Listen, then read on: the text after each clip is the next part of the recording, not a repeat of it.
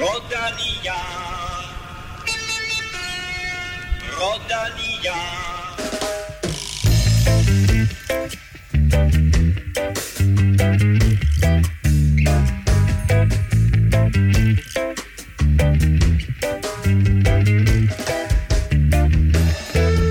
Velkommen til episode 200 af Velropa Podcast, der jo naturligvis er lidt af et festafsnit, hvor vi glæder os til DM og turstart, men også skal tale om Michael Valgren, der er styrtet og er ganske alvorligt medtaget.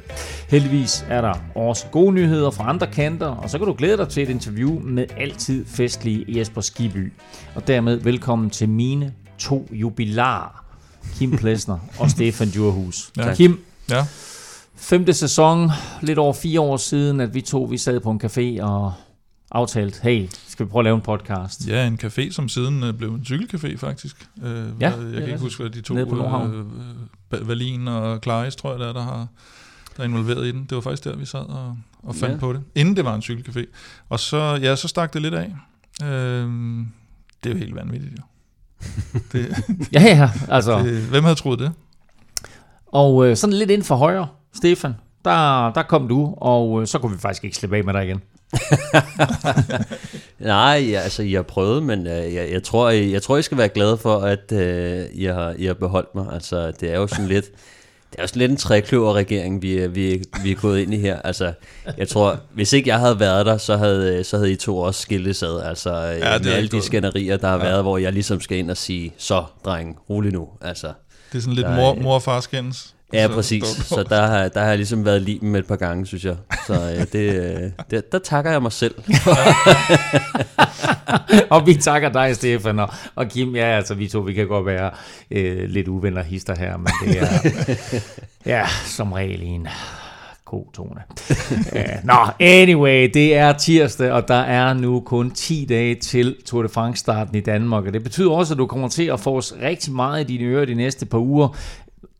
altså, jeg har sådan helt mistet overblik over, hvor mange udsendelser vi kommer med sådan øh, før og, og, og under turen. Men en ting er sikkert, vi vælter os i præmier, som jo faktisk kommer dig, der sidder og lytter med, til gode. Fordi i dag og de næste på udsendelser, der øh, laver vi sådan en eller anden superpakke, hvor vi skal have uddelt en kop, vi skal have uddelt en bog, og vi skal også have uddelt et sæt turøl. Og det er naturligvis til en af alle jer dejlige mennesker, der støtter os på tier.dk. Uden jer, ingen podcast. Tak til alle, der har været med i lang tid, og velkommen til seks nye siden sidst. Det er Uffe, Sevelius, Jesper, Henrik, Jul, altså ikke Henrik Jul, men Henrik okay. og Jul, og så Søren.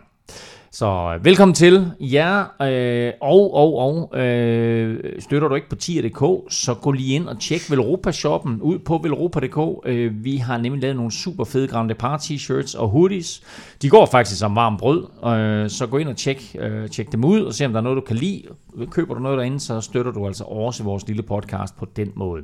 Mit navn er Claus Elming, du lytter til Velropa Podcast, præsenteret i samarbejde med HelloFresh og Odset. Vil Europa Podcast præsenteres i samarbejde med Odset fra Danske Licensspil. Vi glæder os til sommer og Tour de France på dansk jord, hvor Odset er stolt sponsor af Grand Depart Danmark. Følg med på Odsets hjemmeside eller i appen. Husk, at du skal være minimum 18 år og spille med omtanke. Har du brug for hjælp til spilafhængighed, så kontakt Spillemyndighedens hjælpelinje Stop Spillet eller udluk dig via Rufus. Regler og vilkår gælder. Inden vi skal tale DM og fuglens tredjeplads i Schweiz rundt, så skal vi desværre omkring det første danske afbud til Tour de France med start i Danmark. Michael Valgren så godt ud i etabeløbet Route d'Occitanie, hvor han blev toer på en etape, inden hans forberedelse tog en helt anden drejning. Valgren styrtede på nedkørsel, og selvom hans skader er betragtelige, så kunne det faktisk være gået endnu værre. Ja, jeg tror altså, han røg ud over øh, autoværnet i, i høj fart, og, og jeg snakkede faktisk øh, kort med, med Matti om, om episoden, som jeg var, med dernede også. Han sagde, at han, han faldt tre meter ned, og det var altså nok til, at, øh, at, at han fik øh, hvad hedder det, brækket øh, bækkenet, øh, og, øh, og fik øh, slået knæet og, og hoften, så, øh, så, så det var ret, ret slemt, men, øh, men han sagde også, at det var ikke langt fra, at han var rådet noget, der minder om 100 meter ned, så øh, efter hele episoden der, så tror jeg, at øh, han, øh, han nærmest følte sig mere heldig over, at han ikke var rådet de der 100 meter ned, mm. ikke? Øh, så, Så snakker vi noget mere alvorligt. Ja, netop. Og, og, og endnu en gang, så var øh, Jonas Gregor jo også øh, først mand på pletten til at ikke at have set rytteren, men, men cyklen. Ja, så og ligesom en han kan se, har ja. at, øh, at han, han så godt, at de kørte rigtig stærkt på, på den her nedkørsel, og, og Michael Valgren, som jo gerne ville frem og vise sig frem øh, efter corona, og måske også øh, i forhold mm. til, øh, nu, er det, nu er det DM øh, lige om lidt, og øh, Tour de France, øh, måske, øh, måske havde der været lidt spørgsmålstegn øh, for ham inden turen, ikke? Altså, så, øh, så, Ja, han blev jo toer på den her afkortede etape. 35 mm. kilometer. Og ikke afkortet på grund af det her, øh, hvad hedder det, Extreme Weather Protocol faktisk. Mm. Men afkortet fordi, at i det område, hvor de skulle køre, der sagde myndighederne, at det vil vi ikke acceptere. Vi vil ikke acceptere, at I kører cykelløb her, på mm. grund af den her varme, fordi hvis vi skal ud og redde nogle gamle mennesker, der er hedeslag og sådan noget, så kan vi ikke komme frem, ja. så det vil ikke være forsvarligt. Så derfor så, så forkortede de faktisk den der etape til, ja, til 35 km. Det er det, de kunne få lov til at køre. Og der bliver han to, og så, der, ja. der lå det. og så skrev han jo selv på, på Instagram, at, øh, at det var hans egen fejl, at han, øh, han, han tog for, for stor risiko der ned ad, ja. ned ad bakke. Ikke? Men ja, og det var også det, med, med de skader, han har, det er jo i den alvorlige kategori, men, men der er også den der, tror jeg, lidt lettelse over, at det, det faktisk ikke var gået værre, og han har ikke slået hovedet og så videre, og, og, ja. og som de også meldte ud til start med, ikke nogen indre blødning eller noget. Så, men stadigvæk en, øh, en, grim en hård en, og, og så selvfølgelig med, med det oveni, at han så lige misser Tour de France i Danmark. Ikke? Det er klart. Øh, det, er, det er selvfølgelig stået som et stort mål for, for Michael Valgren, men altså øh, lad os øh, sige på at vi kan prise os lykkelige for, at det ikke gik værre, ikke gik værre end det gik for, for, for Valgren, der lige nu ligger på hospitalet og venter på at blive opereret. Det er jo så faktisk anden nu i træk, at en markant dansker styrter. I sidste uge der var det Kasper Askren, der måtte udgå af Schweiz rundt. ikke den bedste optakt for ham heller, men hans tur start er trods alt ikke i fare. Ikke i forhold til, hvad vi har hørt i hvert fald. Det var jo, øh, hvad skal man sige, øh, hudafskrabninger, lidt, lidt, lidt store af slagsen, kunne man se på billedet, og så var det igen noget med, med knæet, en, en, en stor flænge ved knæet, men jeg så da, at han efterlyste øh, nogle ruller her på, var det på Facebook den anden mm. dag. Så må ikke han er i gang med noget, med noget genoptræning. Så, han har efterlyst ruller på Facebook? Ja, men der var nogen, der havde de her jeg tror, gamle, gamle, gamle klassiske okay. ruller der. Som, så man, man skulle ikke... da tro, at holdet havde et eller andet. Ja, men øh, det er ikke sikkert, at de kommer forbi Danmark. Til Belgien, ja. øh, så, øh, så det kan være, at han, øh, han skal sidde og rulle sig til, til formen til, til enkeltstarten ja, i København. Det er også, jeg tror også, det er fordi, han har helt sikkert øh, en home trainer, øh, men, men på de her helt gammeldags ruller, der, der, der er ikke så meget belastning på. Mm. Så, øh, så, så det, er, det, det er sådan lidt mere øh, nemt at, at lige at hoppe op på og få, få rullet benene igennem. Øh, så, så, så det, det var meget sjovt, meget fedt, at han lige øh, efterlyste det, som selvfølgelig også viser, at øh, han godt får benene rundt, så nu er det bare et spørgsmål om, at det lige at, at komme sig over skræmmerne og, og, og få benene lidt i gang. Øh. Men det er stadigvæk ikke optimalt her, hvad er det, 10 dage før uh, Tour de France, og så skulle sidde og, Nej, men, og køre på ruller, ikke? Nej, det, altså, det kommer an på, hvor meget han har slået sig, altså ja. i forhold til de slag, han har fået. Altså skrammer betyder ikke noget. Nej. Den flænge burde heller ikke betyde noget.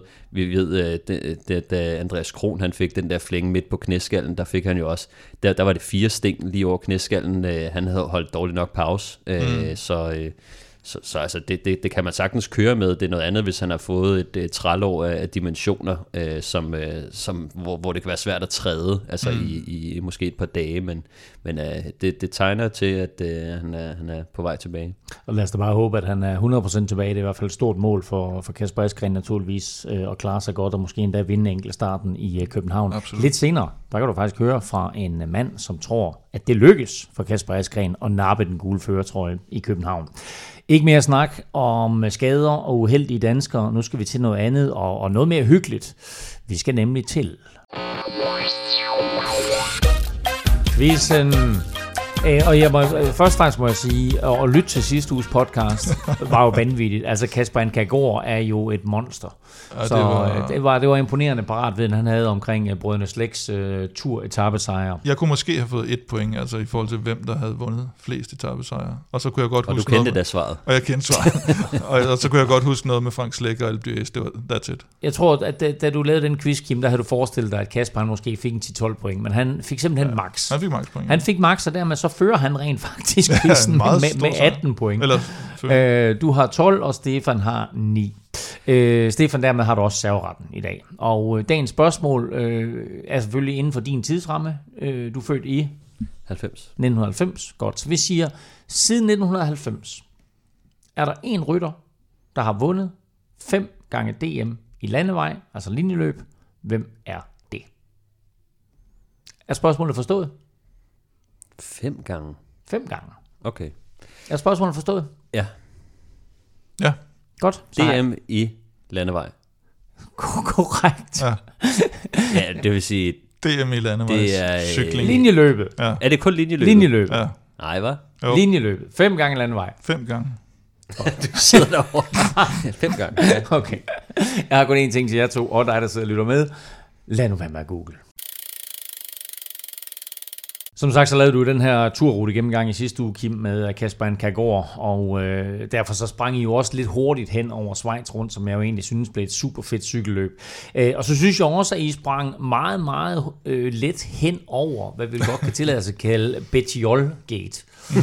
Æh, fordi altså, det var meget sjovt, at ugen efter vi sidder og taler om, at Wout van Aert, han dummer sig og laver sådan en, mm. en Alaphilippe, øh, så laver Bettiol jo øh, faktisk det, vi så under kvindernes OL, nemlig at han tror, han har vundet spurten, men er der en, der har kørt ind før Ja, ham. og Stefan var jo lidt inde på den Præcis. der med omgang og sådan noget, hvor man lige øh, miskalkulerer det der med, og det er jo virkelig en klassiker. Den, den her er jo nok flere gange end det der med, hvor man kører over stregen og, og jubler for tidligt. så den her, hvor man tror, man har vundet, og så ligger der enten en ude foran, eller der mangler en omgang, det er, det er efterhånden ved at være, være lidt af en klassiker. Så ja, han blev, han blev drillet lidt, øh, og, øh, og Liggende Sund vandt jo øh, vel sin, sin flotteste sejr som, øh, som professionel. Og var trods alt så langt foran, så Bettiol ikke kunne se ham. Så ja, jeg tror, han var, det, hvad var det, halv, halv til et helt minut foran, så Ja. det var ikke sådan, at det var... Det Jeg, var ved ikke, lige- jeg har aldrig set, eller ja, det, det er længe siden, jeg har set en fejre, øh, kan man sige, hvis det var sejren, så fejrer han den godt nok også meget, og det, det er Ja. også noget tid siden, at, øh, at han har taget en sejr. Holdet har brug et- for pointene, og øh, et stort resultat, ikke? Ja. Men jeg, jeg ved ikke, hvad fanden øh, Matti har sagt til ham øh, ned for bilen der. Han må godt nok have øh, hypet ham op til, øh, til at nu, nu er er den der sgu, ikke? nu er den der. det, det, Den tager du, den Det er her. lidt vildt, ikke? Han jubler, Ja, øh, og, og, og der går virkelig lang tid, inden han fatter, at han kun er blevet to år.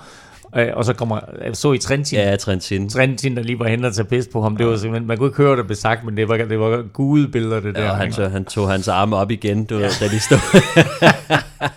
og så så jeg faktisk, at Wout van Aert, han tweetede direkte til Betjol, hvor han bare skrev, øh, tak fordi, at du lige øh, tog Ja. den der ja. monkey off my Ej, back. det er fedt, at det, er, det er meget fedt, når det er sådan nogle rutinerede folk, der gør det. Ja. Det betyder ikke så meget for dem, at de har vundet, altså Trentin og Betjol og sådan nogen. Ja. De har vundet deres sejre, og de kan, de kan bedre joke med det. Det var værre, hvis det havde været en eller anden uh, ny professionel, der så hvis troede, han havde fået sin, sin første sejr, og tænkte, nu, nu er den der her kontraktår, helt pisset, ikke? Ja, ja, Schweiz rundt.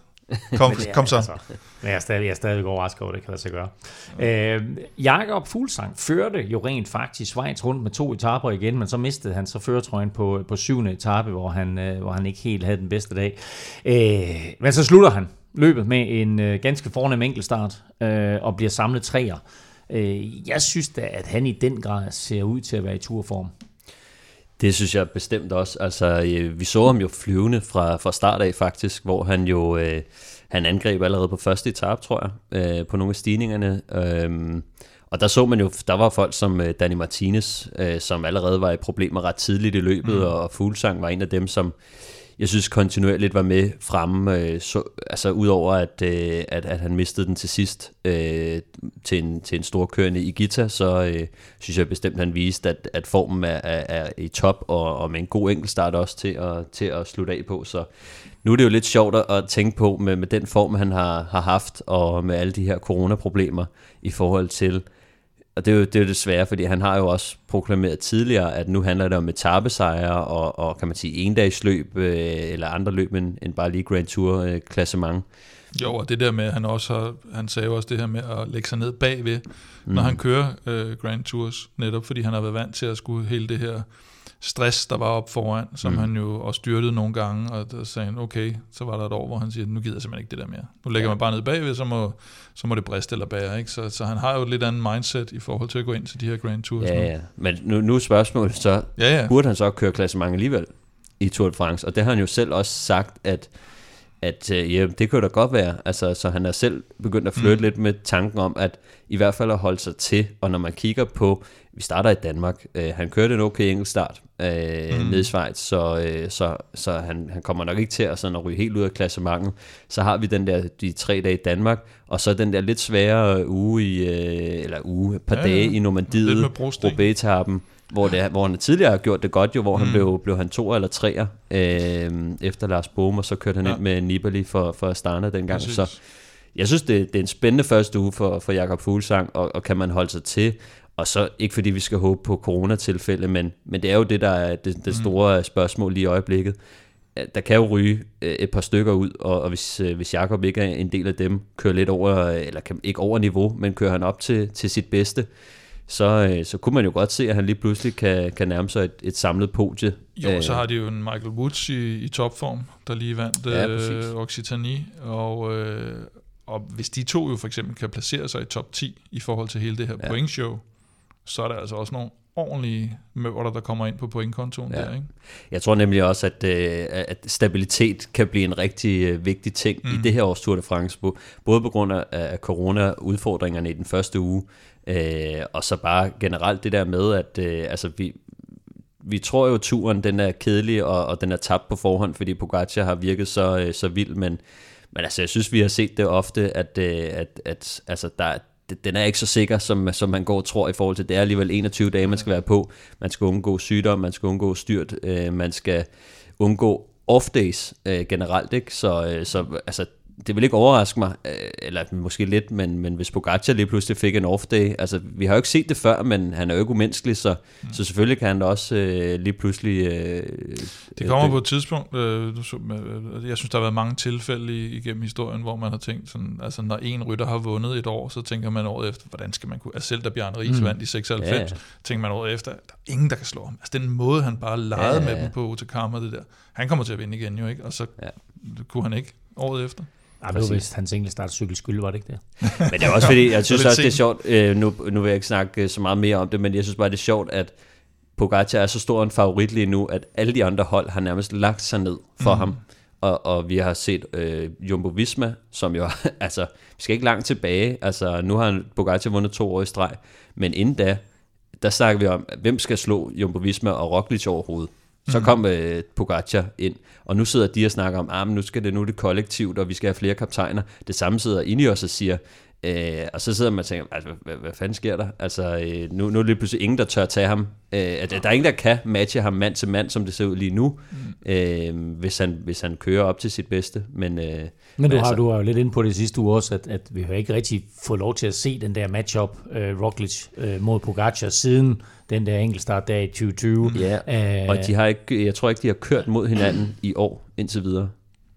Og var, De er- var der ikke et løb, men jeg kan ikke huske det her. Det kan være, at de har kørt i et endagsløb øh, eller et eller andet, men de har, Ja, de har stort set ikke kørt. Ja. Øh, Det er rigtigt. Og de, har ikke, hinanden og de har ikke kørt et tabløb mod hinanden Ja. siden uh, Tour de France sidste år. Uh, nu var du faktisk lige inde på det der med, uh, med Ineos, uh, og hvad de gør uh, kaptajnsmæssigt, fordi for mig der var den helt store overraskelse i Schweiz rundt, det var sådan set Grant Thomas.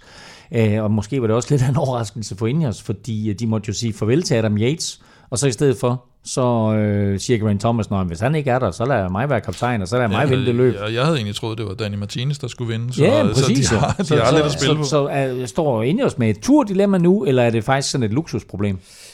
Ja, jeg tror, de står jo lidt med et problem i forhold til Adam Yates. Altså, øh, hvad, øh, hvor, hvordan står han lige pludselig nu? Altså, øh, det, mm. det er noget tid siden, at han har gennemført et cykelløb. Vi skal faktisk tilbage til Paris-Nice i øh, marts.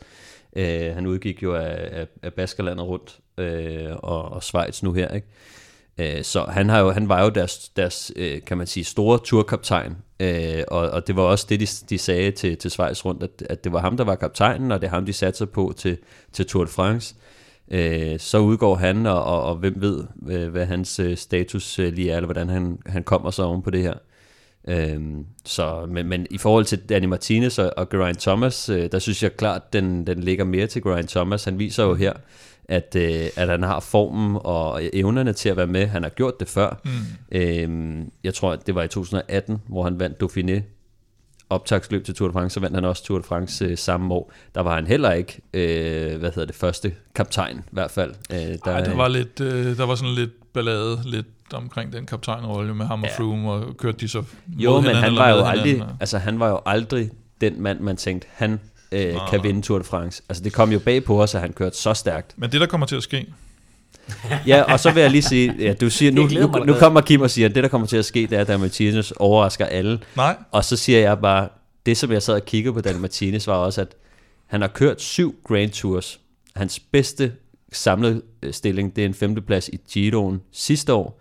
Mm. Øh, syv og et halvt minut efter Egan Bernal, som han godt nok var hjælperytter for, men han ligger altså i det der område med, øh, han, jeg kører, tror han kørte samme tid som, øh, som Joao Almeida, øh, og, og det er jo sådan lidt, okay, altså syv og et halvt minut efter vinderen, øh, langt efter podiet, øh, altså jeg havde sådan lidt, du har kørt syv Grand Tours starter, nu, Hvis du starter som hjælperytter, så er det svært at sige, du ved, hvad, hvad kunne du være blevet til, hvis du var kaptajn hele vejen. Jeg vil gerne, meget gerne høre. det, der kommer til at ske, det der kommer til at ske. det er, at Danny Martinez får slet ikke lov at være kaptajn. Han kommer til at starte som hjælperytter for Geraint Thomas, og så kører han for ham, ligesom han kørte for Bernal i Giroen der, hvor han er super, super god hjælperytter. Han gjorde det faktisk også i Schweiz. Vanvittig god hjælperytter. Ja, Og det er også den rolle, han får her. Så at, øh, han kommer slet ikke i spil som kaptajn, og så Thomas følger okay med, og så enten så kikser han i den første uge, falder på brostenen eller et eller andet. Håber han kan ikke, køre kommer, på brosten. Nej, Øh, eller også så, så kan han ikke helt sidde med, når det går løs i bjergene med, med slovenerne og Vingegaard. Og så, så, så, og så er Martinez for langt tilbage til, og så kan han faktisk, øh, så får han chancen Jeg til tror, sidst. jeg, faktisk, jeg tror, at Geraint Thomas er jo ikke dårlig til den slags. Problemet med ham er jo, at han, han ofte har været mega uheldig. Mm. Altså, og så tænker man, er det nu også uheld hele tiden? Altså for ham, fordi det ender jo kraftigt med, at han, han styrter jo og, mm. og får sygdom og udgår på, på nogle mærkelige Ja, ja. tidspunkter, eller det, det har fulgt ham ofte, ikke? Så, men lige nu, der tror jeg, der vil jeg sætte mine penge på Geraint Thomas som, som deres stærkeste kort. Det tror jeg også, men han er, jeg tror bare ikke, han er, det, han er ikke der, hvor han var i 18. Altså fint, at han vandt Schweiz rundt og sådan noget. Han havde aldrig vundet den, hvis Vlasov ikke var udgået, tror jeg. Øh, Så havde han cruiset den hjem. Øh, Og Vlasov var ikke engang lige så god som, som topfolkene i turen, så, Ja. så jeg tror, men, men øh, jeg, jeg, jeg tror helt sikkert også, det er ham, de kommer til at køre for.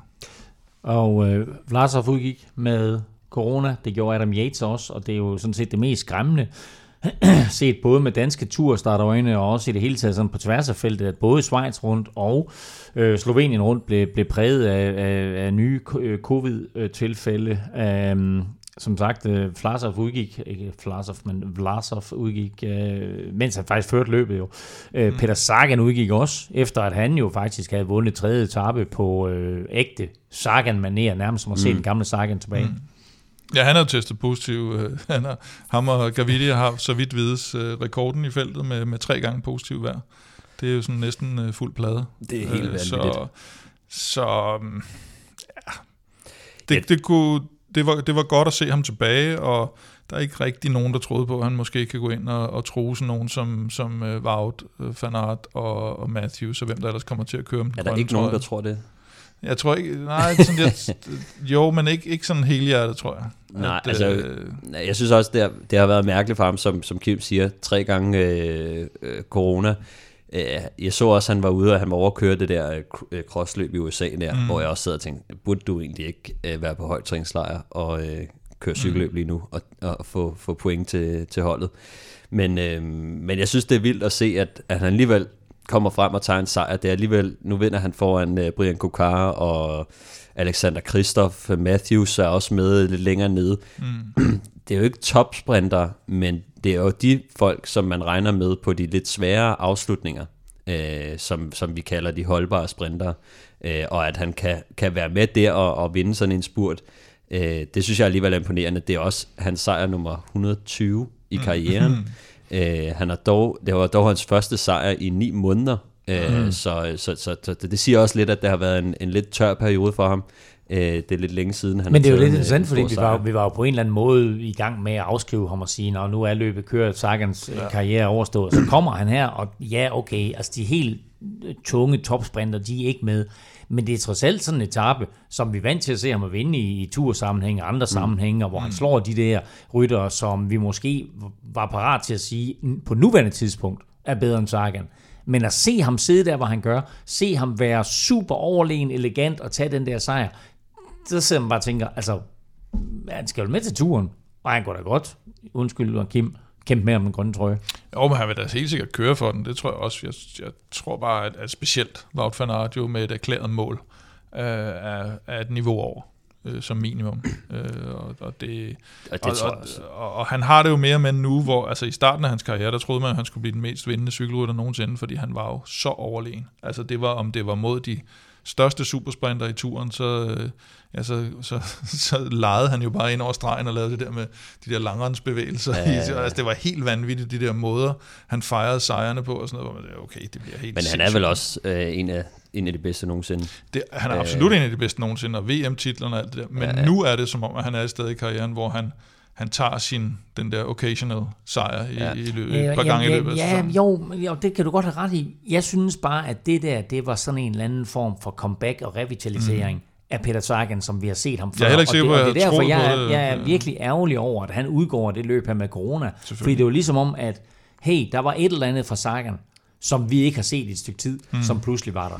Ja, men til gengæld så vil jeg så også lige komme ind med den øh, indskydelse, at der var flere muligheder for ham i det her cykelløb. Øh, og, og han napper en etape. Han er jo ikke i nærheden af, af nogle af de andre.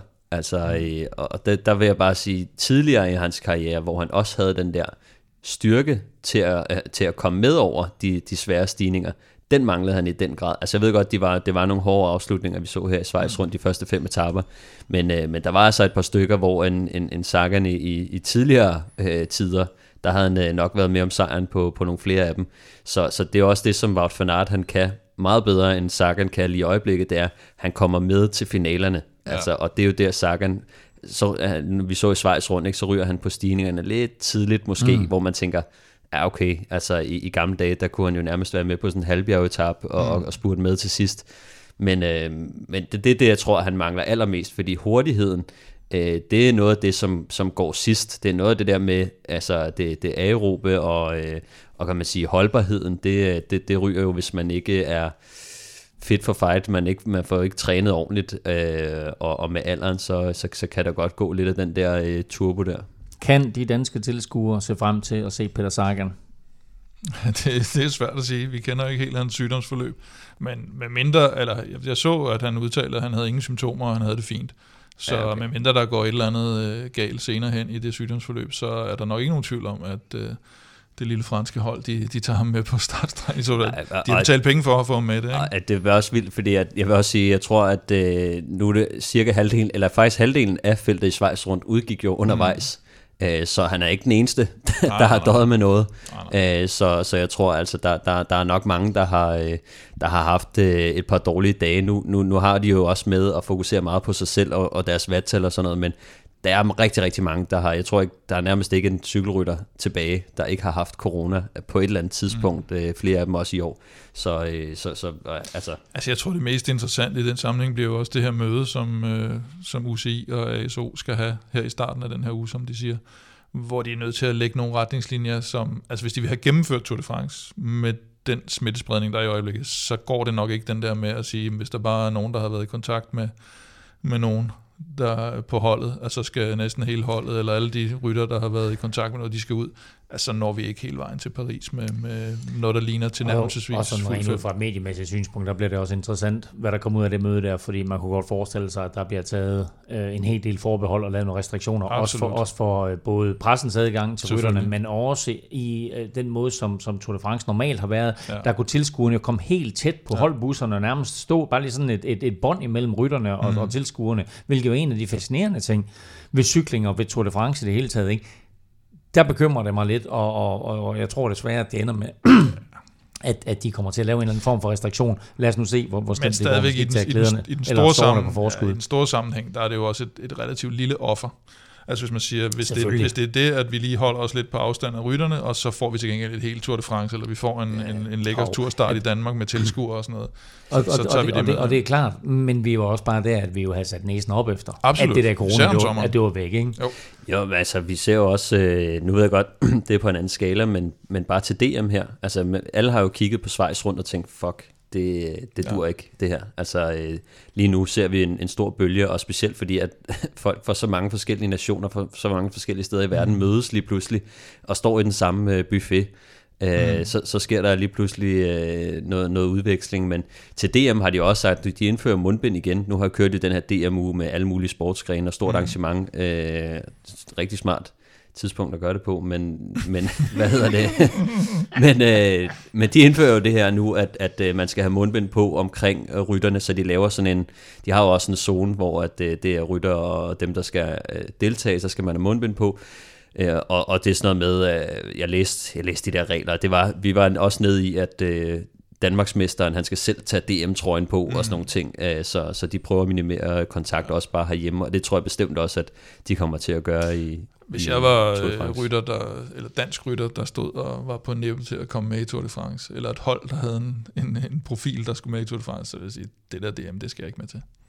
Det kommer vi tilbage til, det kommer vi tilbage til lidt senere. Jeg kan også lige fortælle, at øh, når vi kommer tilbage til, øh, til DM-snakken, så har vi faktisk et fint besøg, fordi øh, vi har Kasper Pedersen med direkte på telefon. Kasper, der udgik af Schweiz rundt med corona, men som han vil fortælle dig lidt senere, har jeg en formodning om, så deltager han i DM i weekenden. Apropos danskere, så var der en anden dansker, der gjorde det rigtig godt, nemlig Andreas Kron. Altså sikke et Schweiz rundt, han kører, og øh, han så stærk ud, og han fik jo så også den ultimative gave, nemlig en billet til turen. Han er bare en god øh, cykelrytter. Altså, mere, er altså, nå, men jeg synes bare, sådan, ham og for eksempel Mikkel Honoré, altså, jeg synes, de har så højt et bundniveau, når de kører, når de kører cykelløb, at, øh, at det er simpelthen en fornøjelse, og det, jeg ved ikke, om man kan sige, at det, det er bare et spørgsmål om, hvornår de får deres gennembrud, for det har de jo også på en eller anden måde haft, men jeg synes, det er to ryttere, som egentlig fortjener at ligge sådan højere i folks bevidsthed, eller i, på ranglisterne, eller, eller whatever, øh, fordi de er virkelig bare to gode cykelrytter, de to, og Krogens ja, indsats, den er jo, altså også den der måde, han, han øh, formår at, at køre efter det, slide efter det, vise, at, øh, at han kan det der, og vil gerne med i turen, og, og, og, og kæmper sig op ad de bjerge, som han som sådan er næsten lige for hårde til ham, ikke?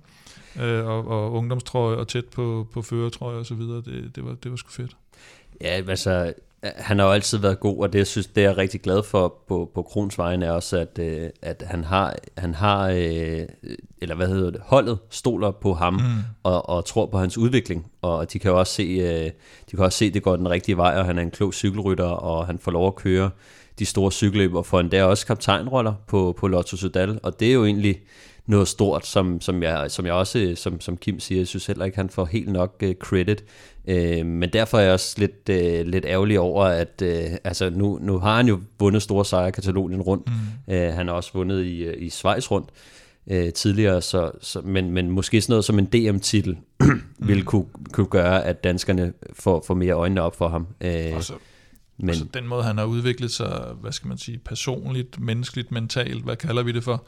Fra da han står nede i det der interview, hvor han står og siger er fantastisk på, et- på engelsk, ikke? Som, vi, som, vi, som vi øh, jokede lidt med, hvor han jo tydeligt var helt øh, konfus over også lige pludselig stå øh, som til et i centrum. Ja. øh, på engelsk, ikke? og så til nu, hvor han har de her reflekterede interviews, med, som man ser med, med TV2 nede fra Schweiz og sådan noget, og en fornøjelse at høre på, hvordan han reflekterer over sin egen situation, over løbet og så videre. Han har med mig også øh, groet noget der. Han er, han er en fed rytter, og en meget moden rytter, det, da han kom ind på, øh, på vores hold, den, dengang jeg kørte øh, på Rival, og han kom ind som, som øh, junior nærmest, ikke?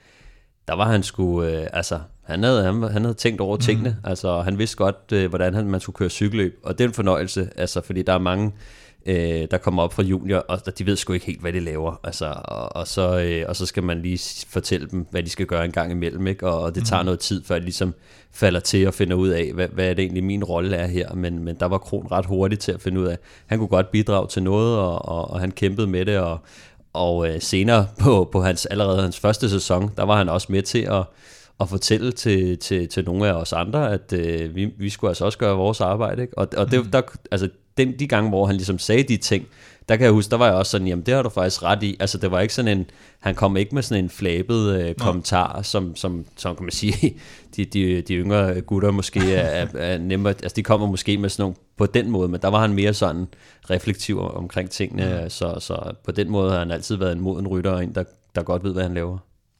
Geraint Thomas vandt øh, Schweiz rundt, og det gjorde han altså efter en fornem enkeltstart, hvor han kun tabte til øh, Remco Evenepoel, Sergio Gita bliver to og Jakob Fuglsang ender altså på podiet på en tredjeplads. Andreas Kron blev næstbedste dansker på en 16. plads, 7 minutter og 7 sekunder samlet efter Grant Thomas. Aftensmad. Stressende indkøb i ulvetimen. Ingen tid til et hjemmelavet måltid. Med Hello Fresh er oplevelsen anderledes. Du får enkle opskrifter og lækre retter, som hele middagsbordet elsker. Skræddersy din måltidskasse på hellofresh.dk for friskende enkelt. Så nu du skal hjælpe Velropa Podcast og måske gøre noget godt for dig selv. Vi er nemlig glade for, at Hello Fresh har valgt at fortsætte som partner her på øh, Velropa Podcast, og det har de selvfølgelig, fordi rigtig, rigtig mange af jer har bakket op om Hello Fresh og deres super tilbud. HelloFresh er måltidskasser med sund og varieret kost, masser af muligheder, og du kan prøve fire uger nu med en rabat på 725 kroner. Gå ind på hellofresh.dk og brug koden VELROPA22. Øh, Stefan, øh, jeg var, jeg, var, jeg var i Frankrig og cyklede i sidste uge. Øh, det var ufattelig varmt, og jeg drak ufattelig meget væske undervejs. Det var ligesom om, at øh, det var lige meget, hvor meget væske man drak. Så var man bare klar til at drikke noget mere. Øhm, Er og det så, bare, du tænker på? Nej, nej, nej, nej, nej, nej. Jeg, Fordi det er jeg, jeg, snak, jeg, man snakker, bare jeg, klar. jeg, snakker, jeg snakker vand, og jeg snakker øh, øh, vand med forskellige former for energiprodukter i, og så taler jeg om, at det er sådan, at du har lige tømt flasker, og så ledte du bare efter en eller anden kilde eller bæk op på bjerget, som du kunne fylde dunken med igen. Øh, og så kom vi ned, øh, og så vil jeg sige, øh, som jeg også sagde i sidste uge, at når sådan nogle franske storkøkkener der, de skal prøve at lave mad til 300 mennesker eller mere, så er det ikke altid, det lykkes dem lige godt. Så øh, vi fik noget virkelig tavlig pasta hele vejen igennem. Havde du svært med appetitten dernede? Eller, eller? Ved du hvad? Det er sjovt, du siger det, fordi det havde jeg. Du har talt om det så mange gange. Ja. og vi har haft øh, ryttere her med i studiet også, som, som har talt om det. Det er første gang nogensinde, at jeg har fået det sådan, hvor jeg havde det dårligt. Øh, mm. Jeg kunne mærke på cyklen, at jeg kunne ikke rigtig indtage mere sådan nogle øh, geler og energivæske. Øh, og om aftenen, jeg spiste ikke rigtig noget. Om morgenen, der, som jeg også fortalte om der, ikke? at jeg kan godt lide at køre på kage. Ikke? Altså, jeg, jamen, jeg havde virkelig svært ved at tvinge noget ned om morgenen. Ja. Så man kan godt forstå det der med, at der er ryttere, som pludselig i varmen eller i løbet af sådan tre uger, bliver ramt af et eller andet, og så bare ikke får nok mad og nok mm. energi ind via maden, til at kunne øh, opretholde deres niveau. Ja, altså det er jo... Jeg synes, det, det, det, det er sjovt, at du øh, så også har, har, har mærket det nu på egen krop. Altså det føles jo lidt ligesom, det er lidt ligesom, når- hvis man er syg, eller man har feber, eller man har ikke rigtig lyst til at spise noget. Altså så har man det jo bare ikke, man har bare ikke feber. Men, mm. øh, men altså det er svært, og, og så er det også, så, som du siger, så, så kan man hurtigt ty til sådan noget, det nemme energi, som, som geler og sådan noget. Men problemet med dem nogle gange er, at man, man, altså, så får man bare dårlig mave af det, hvis du, hvis du kun Ja, ja. Altså, fylder så meget sukker ned i maven, uden at få noget andet. Altså, så, øh, så står man lige pludselig med et andet problem. Så bliver du lige pludselig dehydreret, fordi at du øh, skal sidde på toilettet hele natten. Øh, Så, så det er bare vigtigt med, med, med noget god mad, og så jeg tror jeg også, det, det, det, det sker oftest, når man kører lidt over niveau. Altså, man kører mere, end det man Jamen, det jeg ikke. kan holde til. og det er jo det, som der sker, når du kører ned og skal køre det der, ikke? Eller, eller folk, der kører et Tour de France, hvor det bliver lidt hårdere, end det de plejer at køre. Altså hvis de plejer at køre fem dages etabeløb eller syv dages etabeløb, og man lige pludselig kommer ud på en rigtig hård øh, 12. etape i, i varme og så videre, så, så, så, så der det begynder at knække lidt Jeg for de tror, professionelle. jeg, jeg kunne godt forestille mig, at der er rigtig mange ryttere, som håber på, at det vejr, vi har i Danmark lige nu, det fortsætter, fordi det vil være en lille gave for dem at komme væk fra det fuldstændig vanvittige vejr, der er i Sydeuropa lige nu. Mm. Altså, vi lå og kørte i grader, der hed 42 eller 44 grader. Vi havde en enkelt dag, hvor der var 35 grader i snit mm. over hele dagen, ikke? hvor vi sad sådan syv timer i sadlen. Altså, jeg havde det sådan set okay, men der var flere, der dehydrerede undervejs, og der var flere, som ikke kunne klemme en, en gel ned, eller noget som helst, der bare mindede om sukker. Helt færdig. Øh, og, og prøv at, vi, vi er lallede amatører. Nogle er. Vi har også, vi, ah, vi har også Eskild Ebbesen med. Vi har også Camilla Pedersen med. Ikke? Altså, vi, vi snakker øh, verdensmester og europamester i tri, ikke? Som, øh, som bare blæster op af de der bjerge. Så der er selvfølgelig nogen, som er bedre til at håndtere varmen end andre. Men vi, vi har det samme i et turfelt. At den varme der, den kan komme til at ramme rigtig, rigtig mange. Det, det tror jeg bestemt. Altså, det, det er jo, og det er jo super svært, fordi det, det rammer folk lidt forskelligt. Der er nogen, der, der er vant til det. Altså, og der er nogen, kan man sige, at det er næsten så kropstyper. Altså, vi ved, der er nogen, der er skide gode til at køre i kulde. Øh, der er sådan nogle som, øh, som Valgren og Mads P., de er, de er rigtig skarpe i det der. Til gengæld så lider de ofte lidt mere i varmen, eller sådan som Mads P. gør i hvert fald, det så vi også i, i Belgien rundt, at, at han, øh, han, han havde det altså rigtig hårdt i varmen dernede. Ikke? Til gengæld så, så kan han nærmest stå i kort kort på, på en, øh, i, i 10 grader regnvejr øh, i slagregn, så... Øh, så, så det, det kommer lidt, at det rammer folk lidt forskelligt, for øh, det, det, det, det er lidt øh, sjovt. Når det så er sagt, så håber vi selvfølgelig på, at sommeren den snart kommer til Danmark, og har du lyst til at øh, prøve nogle af Hello Fresh's grillopskrifter, så er der masser af valgmuligheder derinde lige nu. Der har de altså, øh, ligesom øh, sædvanen tro, der har de en øh, masse forskellige opskrifter, som er øh, designet øh, til at, øh, at grille. Så gå ind og, øh, og vælg til eller fra, hvad du nu har lyst til. Øh, alle ingredienser kommer i afmålte portioner, så der er ingen spild, og det er super nemt at rydde op, og det er i hvert fald noget, jeg sætter pris på. Så prøv Hello Fresh nu. Brug koden VELOROPA22, så får du hele 725 kroner i rabat på din første måned. Du kan godt finde det her tilbud andre steder, men bruger du koden VELOROPA22, så støtter du podcasten her, og så håber vi naturligvis, at Hello Fresh har lyst til at fortsætte som partner. Og så må du meget gerne dele koden med venner og bekendte, så gå ind på hellofresh.dk og brug koden VELOROPA22. Apropos Mads P. og apropos hmm. Belgien, så øh, gjorde han det jo faktisk rigtig, rigtig fint. Øh, dernede, som du fik nævnt, øh, Kim, i sidste uges podcast, så vandt han jo første etape, og han holdt faktisk føretrøjen i Belgien rundt i øh, tre dage. Øh, han kørte også en virkelig god enkeltstart, hvor han øh, blev toer, øh, kun slået af, var det Yves Lampard, tror jeg. Øh, og så øh, må vi jo bare sige sådan overordnet set, så ser vores eks-verdensmester virkelig turklar ud. Det, det må man sige. Altså, øh, han så virkelig skarp ud. Jeg tror, i sidste ende, der, øh, der kom han lidt til kort i forhold til øh, kollektiverne fra, øh, fra, fra ja, Quickstep Lotto og Intermarché, der, sådan, der til sidst fik skoven under ham. Men, men altså, han startede jo flot på, på den første etape, som, øh, som, som var sådan en hård, øh, klassisk øh, belgier-etape med sådan lidt nogle af de der stigninger, vi kender fra, fra Flandern rundt i, i Leberg, øh, Billendries... øh, Ten Bosse og Bergten Hut, som de kørte øh, på et, et par gange øh, til sidst. Øh, der kommer han jo ind i en, en reduceret gruppe på, på en små 20 mand, og, øh, og der havde han rimelig godt tjek på det. Der kunne man se, at han, han sad med overskuddet, og Jesper Philipsen prøvede at køre en, øh, åbne en, en tidlig spurt og, og overraske de andre, men, øh, men det gør man altså ikke øh, med, med en stor kørende Mads Pedersen, så, så han nåede at, at fange ham igen og, og komme forbi øh, komfortabelt, så, så det var fedt. Øh, på anden etape, der, der, der gik det så lidt omvendt. Der kom de hjem med en lidt større gruppe. Der var det Mads P's tur til at, til at åbne ved, ved 300 meter mærket, øh, eller, eller deromkring, og, og der blev den altså lidt for langt. Der sad, Mads, øh, nej, der sad øh, Jasper Philipsen øh, clean i hjulet på, øh, på Mads hele vejen, altså indtil aller, aller sidst, og, og der kunne han så godt øh, gå forbi, øh, fordi at øh, han er sgu også øh, hurtig, Jasper Philipsen. Øhm, men jeg tror, det, det gik jo rigtig godt for Mads. Øh, blev han også toer på, øh, på, på enkeltstarten på fjerde etape der var det så der, at, øh, at øh, Mads P. og Trek, de, de, øh, de blev taget lidt på sengen. Altså, der, der, der, der gik det for os med angreb, og, og der kom den her øh, seksmandsgruppe afsted, hvor at øh, Lotto havde, øh, havde to mand med, øh, Intermarché havde to mand med, øh, Quickstep havde jo så lige pludselig, de havde jo så Yves Ampar, som, øh, som kunne have taget den samlede sejr, Øh, men de valgte så også sende Mauro Schmidt i, i udbruddet, øh, eller de fik ham med i det udbrud der, øh, og det, det, det endte så med at være ham, der, øh, der tog føretrøjen øh, væk fra, fra Mads, og kan man sige, hele det her seksmandsudbrud, de overhældede så Mads Pedersen i, i det samlede klassement, fordi at at, kan man sige, de, de gik bare ned til sidst, og, og de kørte jo på Mads Pedersen øh, og, og, mm. og Trek-holdet, så, så, så der, i sidste ende var der ikke så meget at gøre øh, for, for Mads, som, som, som selv prøvede lidt febrilsk at, og, og, og, og lave nogle manøvrer der, men, øh, men, men det var kollektivet øh, fra de andre hold, der, der tog dem ned. Og det der kollektiv, det var lidt vildt, især Quicksteps, fordi øh, tager vi, øh, tager vi danskerbrillerne lidt af, øh, så fik løb jo både en vanvittig tæt og meget dramatisk afslutning, som du siger, altså Mauro Schmidt der fra Quickstep, han vinder løbet samlet, øh, og det gør han foran Tim Wellens, men det er altså med ganske, det er under et sekund, det er ganske mm. få hundreddele, han vinder med, altså efter fem etaper, mm. øh, hvor bonussekunderne blev afgørende, og hvor Quickstep, øh, for at bruge sådan et godt gammelt udtryk, kørte lidt i sænk.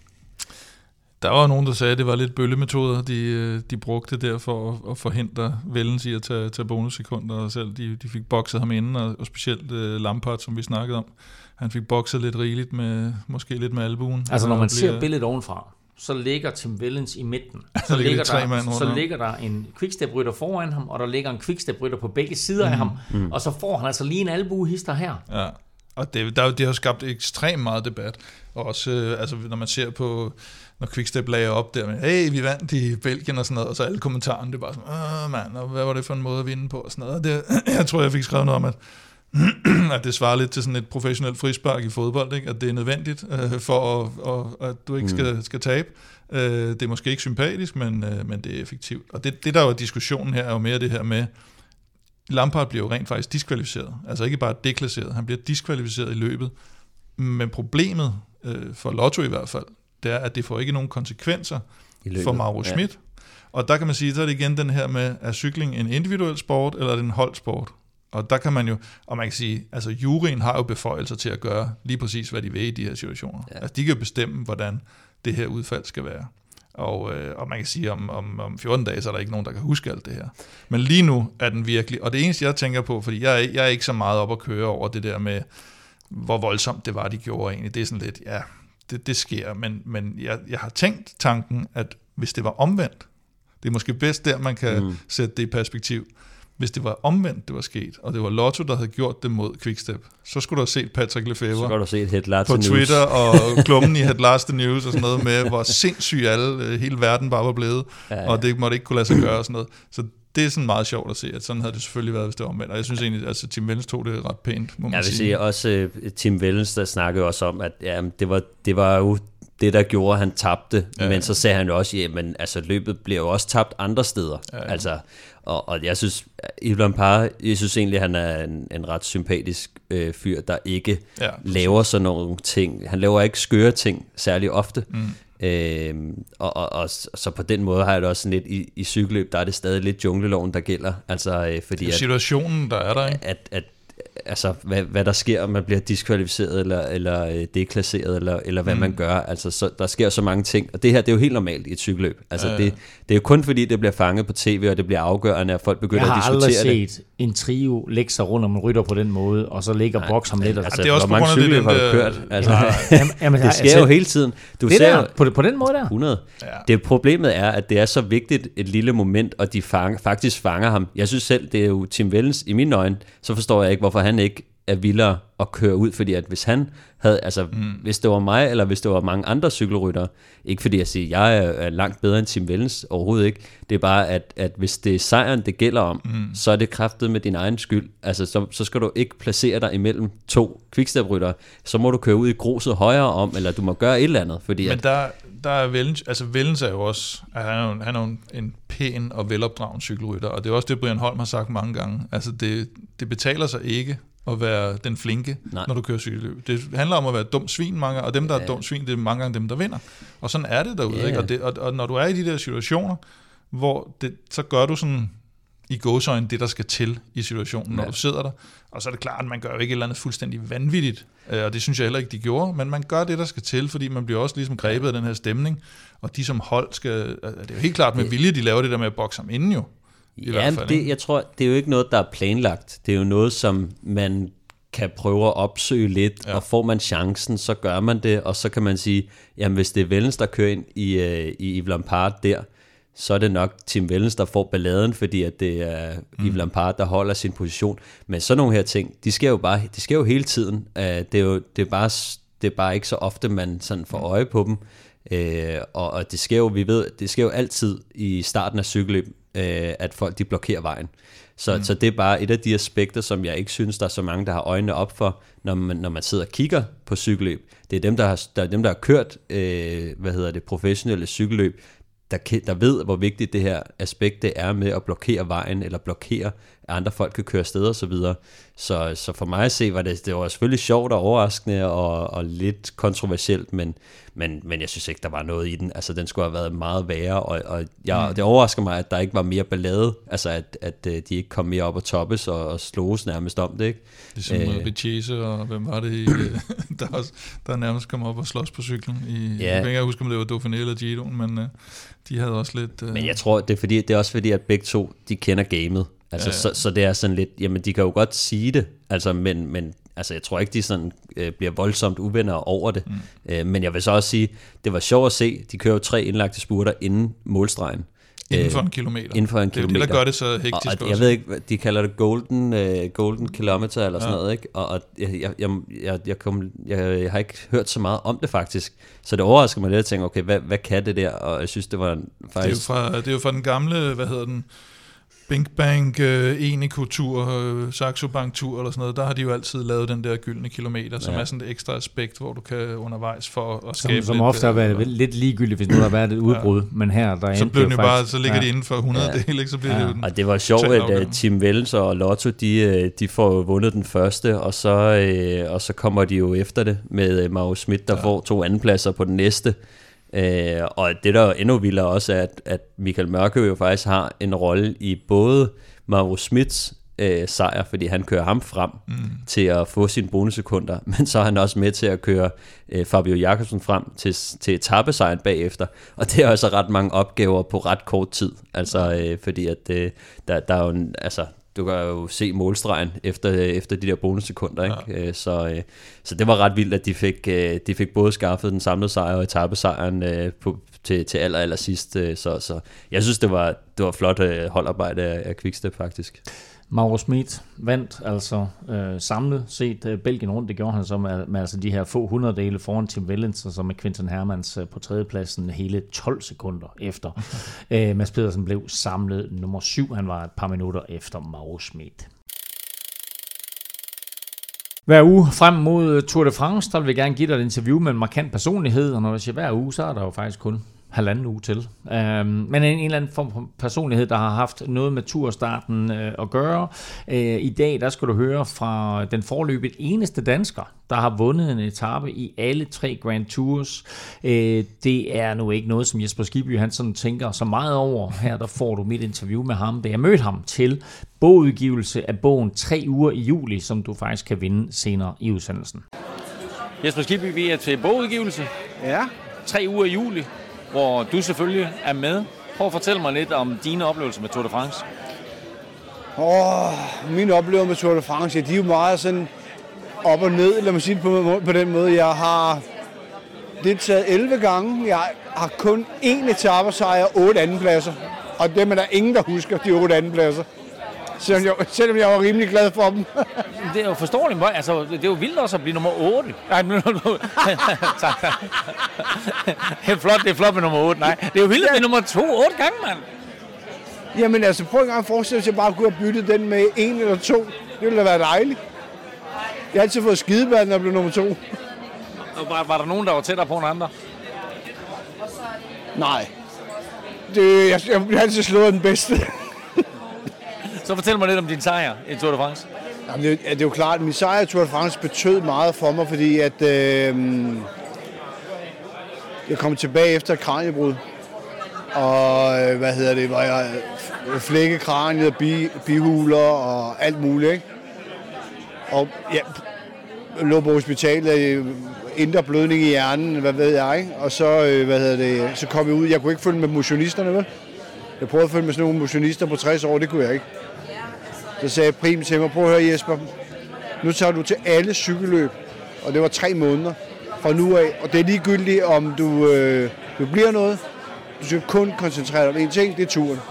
Og der er altid en eller to mand, der rejser med dig rundt. Og det gjorde jeg så, ikke? Og jeg tænkte, hold kæft, det er, det er med med, det var op ad bakke, ikke? Men så blev jeg sådan bedre og bedre og bedre og bedre og bedre. Og så kom turen, og så var jeg sgu i en god form. Og så prøvede jeg så at stikke af i de der 1000 meter før mål, fordi jeg var blevet bange for at spurte. Og det gjorde jeg så to dage i træk. Og Prim her var tosset. Og jeg var en kæmpe idiot. Og så blev jeg så, så pissur på, at du gør det igen, så vandt jeg. Så kom jeg stille og roligt. Klappen mig på skulderen. Hvad sagde jeg, sagde han bare.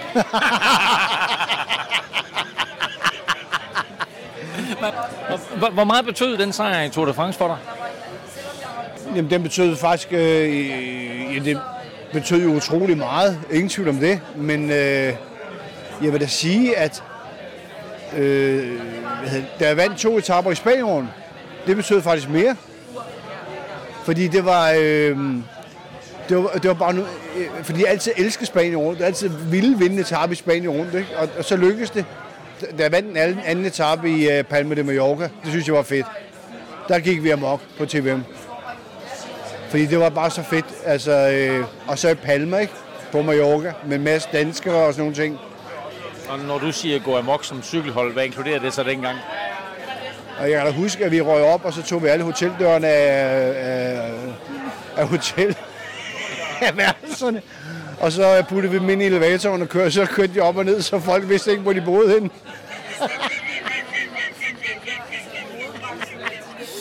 Jesper, var, var der alkohol involveret her? Nej, det var der ikke. Og tror også, Og, og, og du har også vundet Italien rundt. Så Ja, i Gio. Men i Gio var det mit første år på TVM øh, med Phil Anderson, og jeg elsker Phil Anderson. Jeg snakker stadigvæk med ham. Øh, Australier. Og, og han var god ligesom til at, ligesom at ja, du, juble på, al, på alles vegne, du ved. Men så siger jeg, så tager slapper vi også af. Men Ikke sådan laid back Australier. totalt laid back Australier, du ved. Men altså, alting med TVM har jo altid drejet sig om Tour de France. Ingen tvivl om det. Og, øhm, Men lad os lige holde fast i det, fordi nu har du selv sagt, at du har vundet Tour de France, du har vundet i Vueltaen, du har også vundet i Giroen. Mm. Bare lige her mellem dig og mig. Mm. Det lykkedes jo ikke Magnus Nej. Kort at vinde i Giroen i år. Du er Nej. stadigvæk den eneste, der har vundet Ja. i alle tre. Hvad betyder det for dig? Jeg Jamen, jeg, jeg, altså, jeg jublede da lidt, da han brækkede kravbenet for.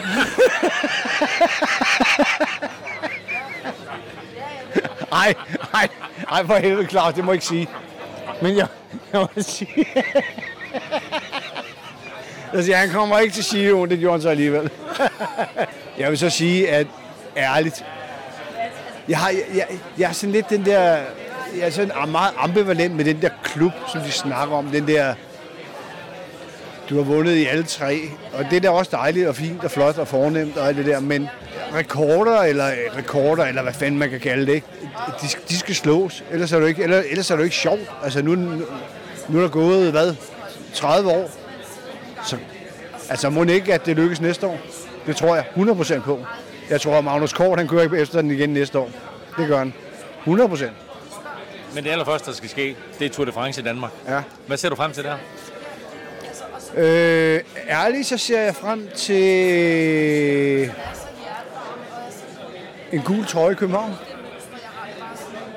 På Kasper Eskren. det er en forudsigelse, der vil noget. Ja. Ja.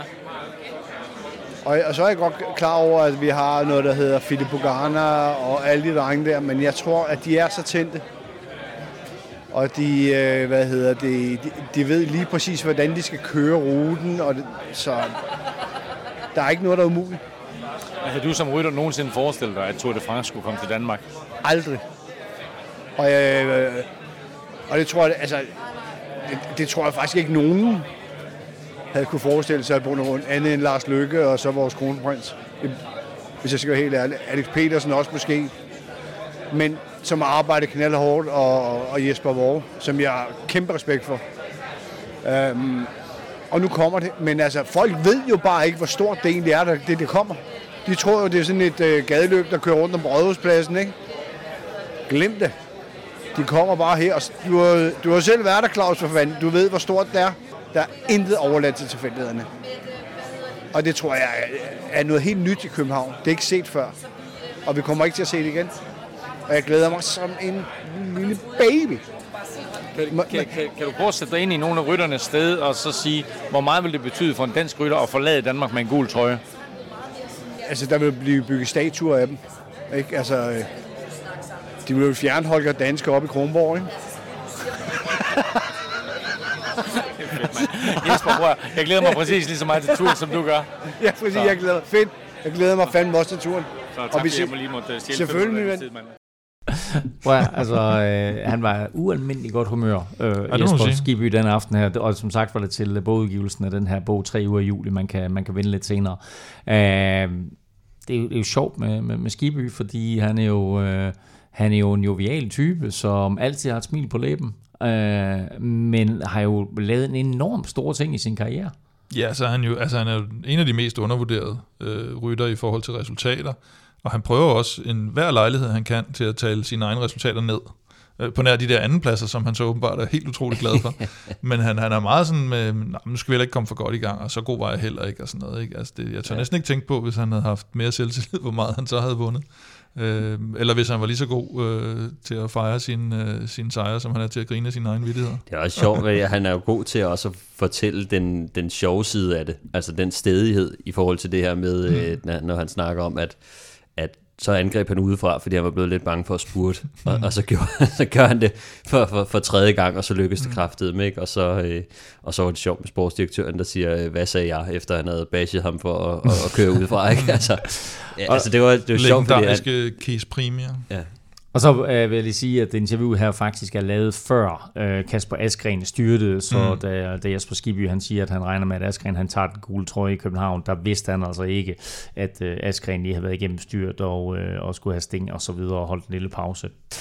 Nu øh, skal vi til gengæld til øh, en helt anden vinder, nemlig en af jer derude, fordi traditionen tro, der trækker vi jo om Velropa Cup i hver udsendelse, og i dag trækker vi også lod om et øh, sæt turøl fra People Like Us og bogen 3 uger i juli om og med alle de danske turkoryfærer og altså også Jesper Skiby. Stefan, lad os springe ud i det. Altså det her, øh, den her lille lækre øh, præmiepakke. Hvem har vundet? Det er naturligvis en af vores støtter på tier.dk. Det er det nemlig, og øh, det er øh, en af de lidt ældre, men også en, der har lagt et par stykker, så, øh, så det er også ved at være på tide. Øh, Melgaard Thomsen hedder vinderen, Melgaard Thomsen. og øh, har, øh, har lagt øh, tre lodder i puljen øh, siden øh, april 2019. Wow. Så, øh, så det, han har jo været med i, hvad, det er fire sæsoner, snart fire. Ah. Ja. Det er, det er imponerende. Uh, vi har ingen anelse om, hvad du hedder til fornavn, Melgaard Thomsen, men uh, sindssygt fedt, og mange, mange tak for støtten igennem lang tid. Uh, husk ud, at hvis uh, du vil deltage i lodtrækningen, og måske vinde vores, uh, vores næste store pakke, som uh, uh, er man til det her, og så kommer der vist også et spil for match eller et eller andet. Mm. Uh, altså pakkerne bliver bare større og større her under, under Tour de France. Men altså vil du deltage, så er det nemt uh, at være med. Du gør det ved at støtte os på tier.dk. Beløbet er valgfrit, og du donerer hver gang, vi udgiver en ny, ny podcast, og når du donerer, så deltager du altså hver uge i lodtrækningen. Og øh, Melgaard Thomsen havde altså tre lodder i puljen, og det havde han jo, fordi vi gør det på den måde, at for hver femmer du donerer, der får du et lod i puljen, så jo større beløb, jo flere lodder, og dermed så større chance for at vinde. Næste udsendelse er allerede på søndag, når vi ved, hvem øh, der vinder DM i linjeløb. Øh, og øh, der har vi endnu en ny præmie med, som altså består, tror jeg igen, af øl, og så af en bog, og så af en kop, og så smider vi altså også lige det her Mathieu Abrichel spil oveni. Og jeg siger det som om, at jeg har fuld styr på, hvad det her spil går ud på, men det ved jeg faktisk ikke, Stefan. Det gør du til gengæld. Ja, jeg var med til, til, til det release, de også havde af det her spil, og det er Matti Brachel øh, og øh, en øh, forretningsdrivende i Kødbyen, der hedder Mikkel Damkær, som, øh, som har lavet det her spil, og de har lavet øh, øh alle spørgsmålene selv. Og øh, det er et brætspil, øh, hvor man skal quizze sig vej til, til mål, og øh, det indeholder så øh, de største cykelløb på kalenderen, altså Grand Tours, monumenter, øh, VM, og, øh, og så skal man ligesom øh, trække kort, så kan man vælge, om man vil, snakke, om man vil have et spørgsmål om øh, cykelløbet på det felt, man står på, eller om det land, man ligesom står på. Og øh, det giver lidt ekstra for at svare rigtigt på, øh, på cykelløbet, frem for cykellandet, som er det lidt nemmere spørgsmål. Øhm, og øh, det fede ved det her spil er, at det er lidt nyere spørgsmål. Øh, så man har ofte en... Øh, det er ikke så godt for, for Kim måske, men, øh, men man har som regel et, et godt bud øh, i, i tankerne. Øh, så så, så det, jeg synes, det var, det var enormt sjovt. Og så har man også nogle, øh, nogle brækker, man kan spille ud som sådan en sticky bottle, så man lige kan rykke et par felter, eller sådan en, øh, en øh, nu sætter jeg mig lige på jul, sådan så at når Kim ikke ved, hvad han skal svare, og han ved, at jeg svarer rigtigt, så kan han ligesom sige, nu lægger jeg mig lige på jul af Stefan og får nogle point der. Så det var rigtig sjovt, og til det her release, der sad jeg også og spillede med, øh, blandt andet med, med, med Brian Vandborg øh, og med Terry, som I også begge to kender. Han hedder Øh, vist Troels nu officielt, det så jeg i Discovery. Var du egentlig, må jeg stille et spørgsmål, var du, var du lige så god, som du var i Discovery? Øh, jamen, jeg, jeg, det, det var faktisk, øh, ja, det var, nej, jeg var bedre her, øh, fordi at... Øh, Det vil ikke være værre. jeg, jeg, øh, jeg, jeg, jeg vandt over, øh, over Vandborg og, øh, og Terry øh, komfortabelt, vil jeg sige. Øhm, men, øh, men det var et skide sjovt øh, spil, og det glæder mig til, at, øh, at vi kan få lov at, at dele ud her, og man kan også allerede øh, finde spillet inde på deres egen hjemmeside. Øh, Pro Cycling Quiz hedder det. Og for at det ikke skal være løgn, så tror jeg faktisk, at vi får jo også de der øh, holdet DK øh, managerspil. Det er et Dem spørgsmål, har vi om de også, også og der vi laver en holdet søndag, DK mandag eller sådan optag på mandag. Meget mere om det lidt senere. Ja. Øh, men det her det er i hvert fald øh, lige øh, en gennemgang af det spil, som altså bliver præmien øh, fra og med øh, næste udsendelse, og vi har, øh, har det med øh, i flere af vores turudsendelser, så altså mulighed for at vinde øh, det her spil, plus alle de andre præmier, jeg op lige før. Øh, vil du deltage, så finder du link både på velropa.dk og på tier.dk. Mange tak for støtten til alle, og tillykke naturligvis til Melgaard Thomsen. Øh, det er længe siden, at vi har haft sådan en omgang siden sidst, mm. men øh, der er der sket en hel del øh, de, seneste seks dage her, så lad os lige løbe de største overskrifter igennem. Vi nævnte det lige kort tidligere med Tadej Pogacar, som vandt Slovenien rundt, og han var altså ganske suveræn. Og så lidt sjovt, så sendte ham og Rafael Majka måske lige en besked til Vingegaard og Roglic. Ja, de tog den lige en op i forhold til det der med at køre, køre over stregen hånd i hånd. De, øh, de tog lige øh, og slog stenstaks papir om sejren lige inden, at de kørte over. Så øh, ja, det var... Det var, det var sgu charmerende, synes jeg. Det var frygtelig dominerende, Men, må man sige, ned i det løb der. Ikke? Var det, var det uschammerende? Var det ikke, var det ikke lidt sjovt? Nej, det ved jeg sgu ikke. Jeg, jeg synes ikke, det var sjovt at spille sten, saks, papir. Altså, det, det giver sådan lidt for meget tilfældighed. Altså, hvis, hvis, hvis han nu er en... en tror du, de rent hvis, faktisk spillede, eller tror du, de havde aftalt? Nej, det, det ved jeg sgu ikke. Altså, nej, det, det, det ved jeg ikke. Altså, det, det, det tror jeg næsten ikke. Altså, jeg vil sige, der, der er mere klasse over, at uh, man som holdkaptajn siger til sin uh, vigtigste hjælperytter, uh, her får du lige ja. en, en sejr, uh, en sejr, ikke? Og, og så og så har man betalt sig tilbage lidt, lidt på den måde. Altså, normalt så kan jeg jo godt lide, at man kører om sejren. altså, øh, men, ja, men som svært, oftest, ja. når, når der er to holdkammerater, der kommer til mål, øh, og den ene er, er holdkaptajn, øh, og, eller den ene ja, har vundet rigtig mange sejre, og den anden ikke har vundet så meget, så er det ofte der, at, at man er lidt large øh, omkring og han havde også det, trøjen der på det tidspunkt. Michael men, havde jo haft den, og så, så ja, der den der, så det, det gav sig selv. Ja. Ja, men, ja jeg synes, det var lidt uh, upassende. Men, men ja, de uh, lavede sådan en uh, vikar også, og så er det de to store hold der, ikke, der skal formentlig dyste om, om tursejren, og, og de uh, gjorde der i hvert fald ren bord i deres uh, turforberedelse, må man sige. Mm. Men altså, Pogacar, øh, helt, helt suveræn, og ja, har vundet de tre etabløb, han har kørt i år. Ja, så har han lige vundet Strade Bianche, ikke? og så han lige fire i Flandern, hvor, hvor fire var jo misvisende, fordi han skulle have været blevet et eller to. Der, og der gik det øh, galt. Ja, det, altså, det er 10 sejre, hvis man ikke, 10 sejre i alt i år, hvis man ikke medregner alle de der trøjer, han har vundet i pointkonkurrencer, ungdomskonkurrencer og bjergkonkurrencer. Ikke? Så det er totalt overlegen, så han kan, han kan kun skuffe i Tour de France i hvert fald. Og det, jeg synes også, det er sjovt, at øh, der, de spreder sig ud over så mange øh, optagtsløb nu, ikke? at han har valgt at køre Slovenien rundt. Mm. Nogle kører Dauphiné, øh, som jo, kan man sige, bare for nogle år siden var det helt store optagtsløb, øh, så er der mange, der kører Schweiz rundt nu, så, så lidt interessant synes jeg, at, øh, at de ikke vil mødes og, og måle sig op mod hinanden. Mm. Altså det er jo det, vi ofte gerne vil se, øh, men jeg tror måske også, det kan have noget med at gøre, at, at, at måske i, i, gamle dage, så havde man måske lidt brug for at se, hvor stod man egentlig. Ikke? Mm. Altså, og så kan det være, at man ikke ville køre all out på stigningen, fordi man måske ikke ville vise sin kort, eller man spillede lidt skuespil, men, men, men nu handler det nok lidt mere om træning, og de har deres vatmåler og, og tal, og, mm. at, at så, så handler det egentlig bare om at, at få tanket noget selvtillid, og, og få en, øh, altså, få, få, øh, ja, få nogle resultater, og få, rystet truppen lidt sammen. Altså, mm. Øh, det, det, det virker i hvert fald til at være det. Men så Pogacar, han altså deltog i, i Slovenien rundt, så var Jumbo Visma jo øh, ganske suveræne i, øh, i Dauphiné, øh, hvor Roglic vandt og Vingegaard blev toer. Øh, og de havde jo meldt ud egentlig, at de ville vente til sidste øjeblik med at udtage turholdet. Øh, mm. Men nu har de altså så faktisk i dag fundet de otte udvalgte, ja. øh, og der var vi nok lidt overrasket over, at især en mand ikke blev valgt.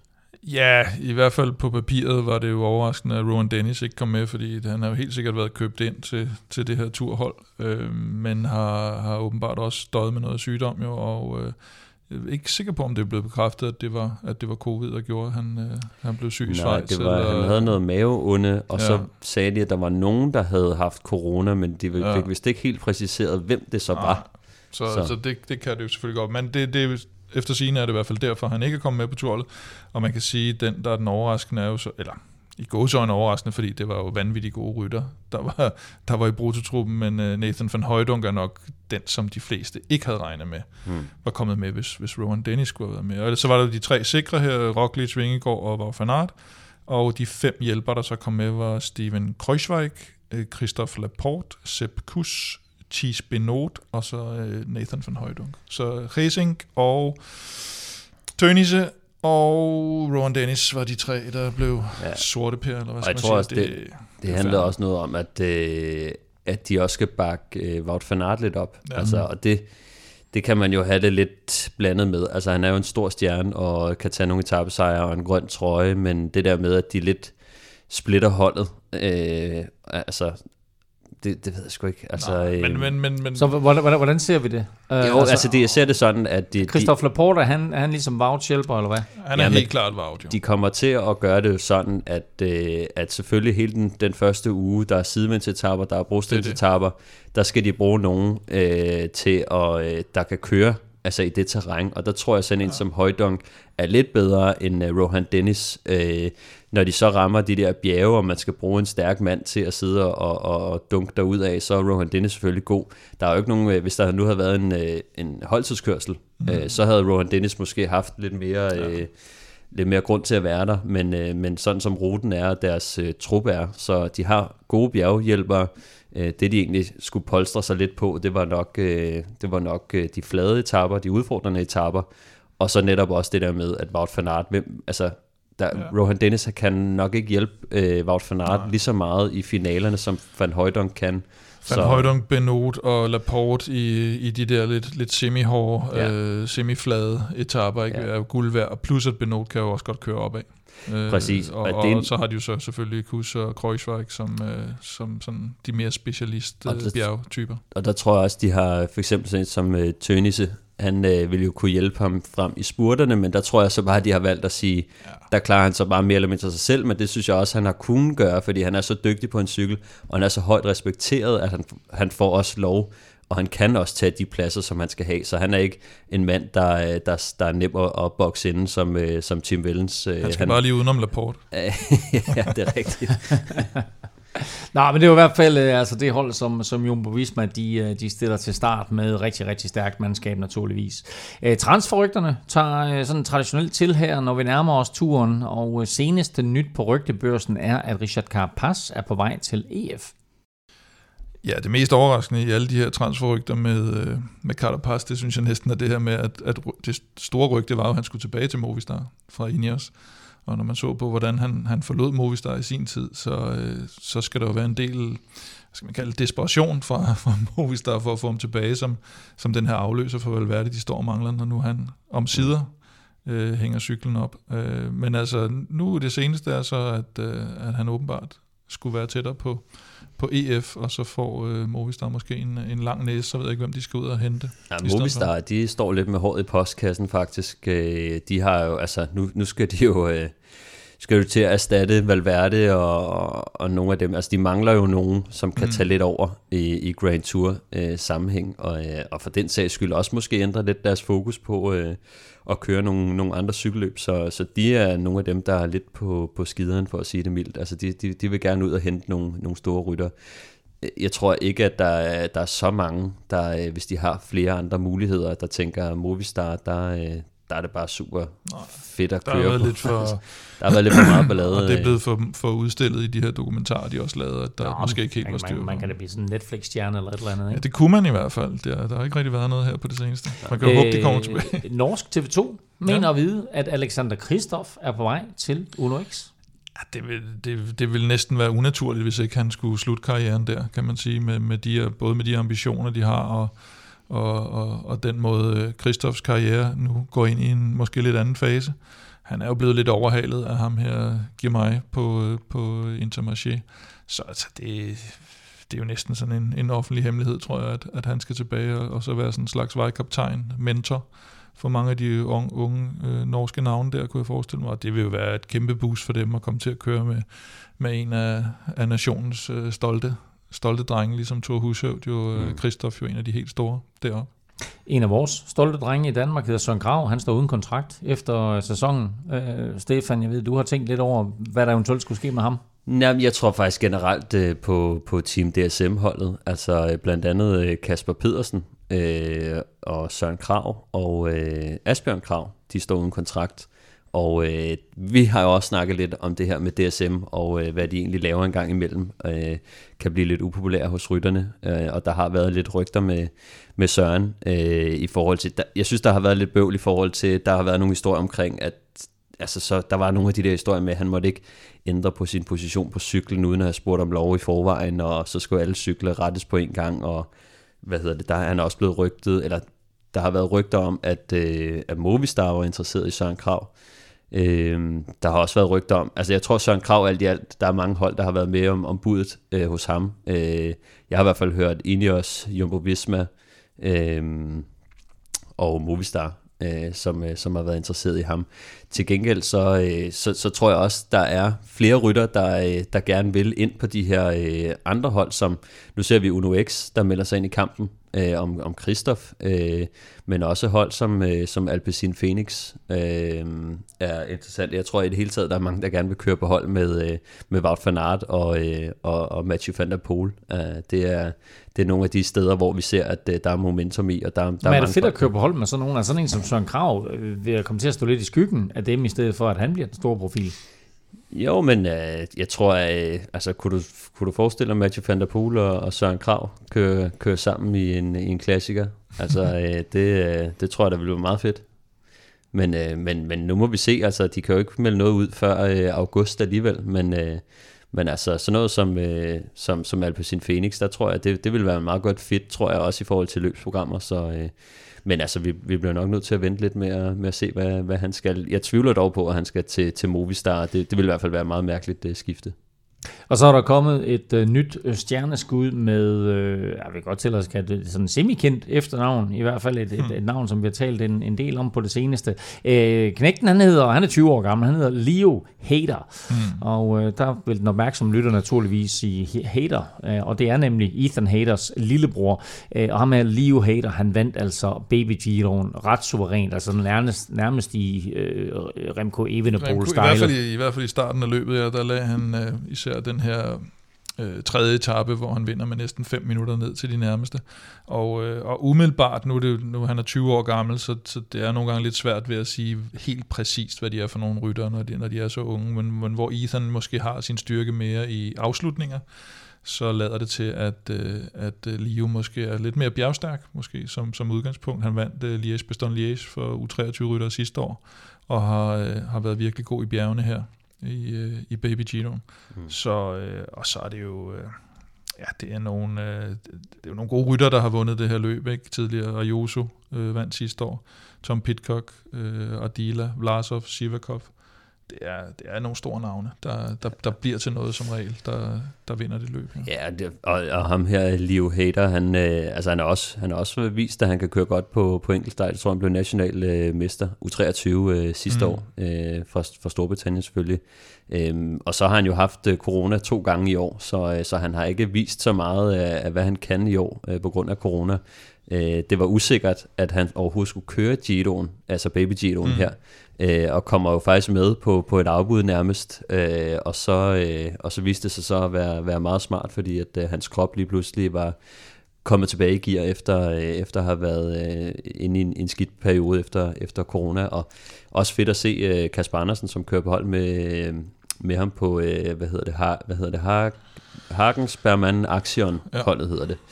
Og øh, Kasper Andersen blev selv træer på første etape, hvilket var, var ret fedt, og øh, en af de danskere, som man måske heller ikke har snakket så meget om, øh, som, som jeg tror også er, er på vej i den, i den rigtige retning. Øh, men, men han endte jo så med at blive hjælperytter for, for Leo Hader mm. og, og gjorde et godt stykke arbejde, selvom han vist led lidt med noget sygdom øh, undervejs. Men, øh, men ja, Leo Hader tror jeg er, er, er et nyt skud på stammen, som, som er klar til at træde op på, på World Tour niveau næste år. Det, det tror jeg, han gør.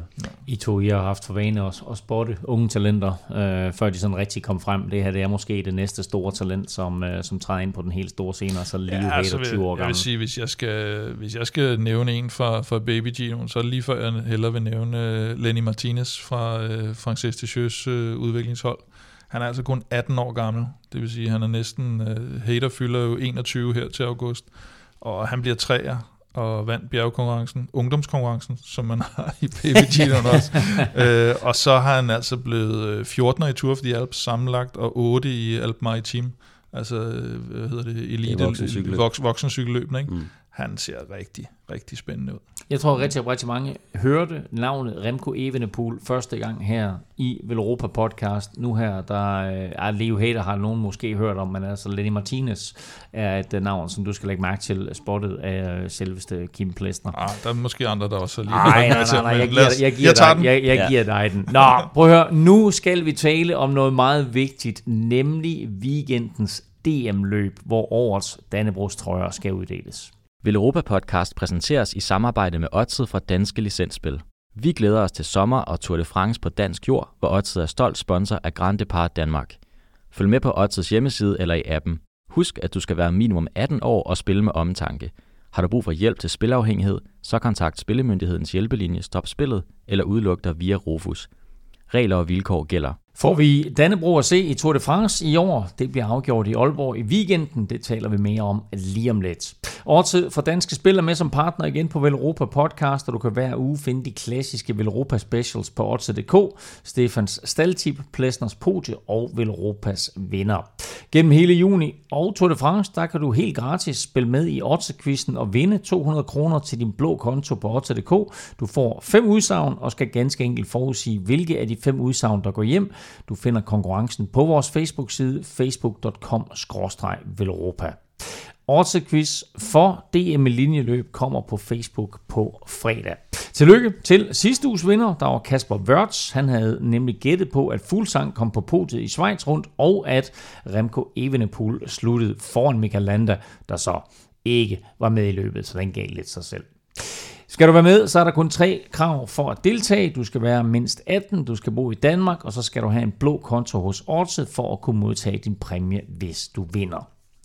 Vi talte lidt om det tidligere. Aalborg er i denne uge omdannet til hele Danmarks sports hovedstad, der afholdes nemlig øh, den første DM-uge.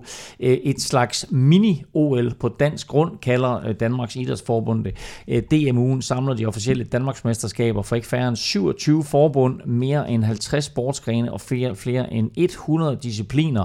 Og der skal uddeles over 180 medaljesæt, øh, medaljesæt sæt, øh, til øh, alt fra tennis til billiard milliard øh, til vægtløftning, og naturligvis også i cykling. Faktisk så 20 starter øh, DM-ugen med DM i BMX, som køres onsdag aften.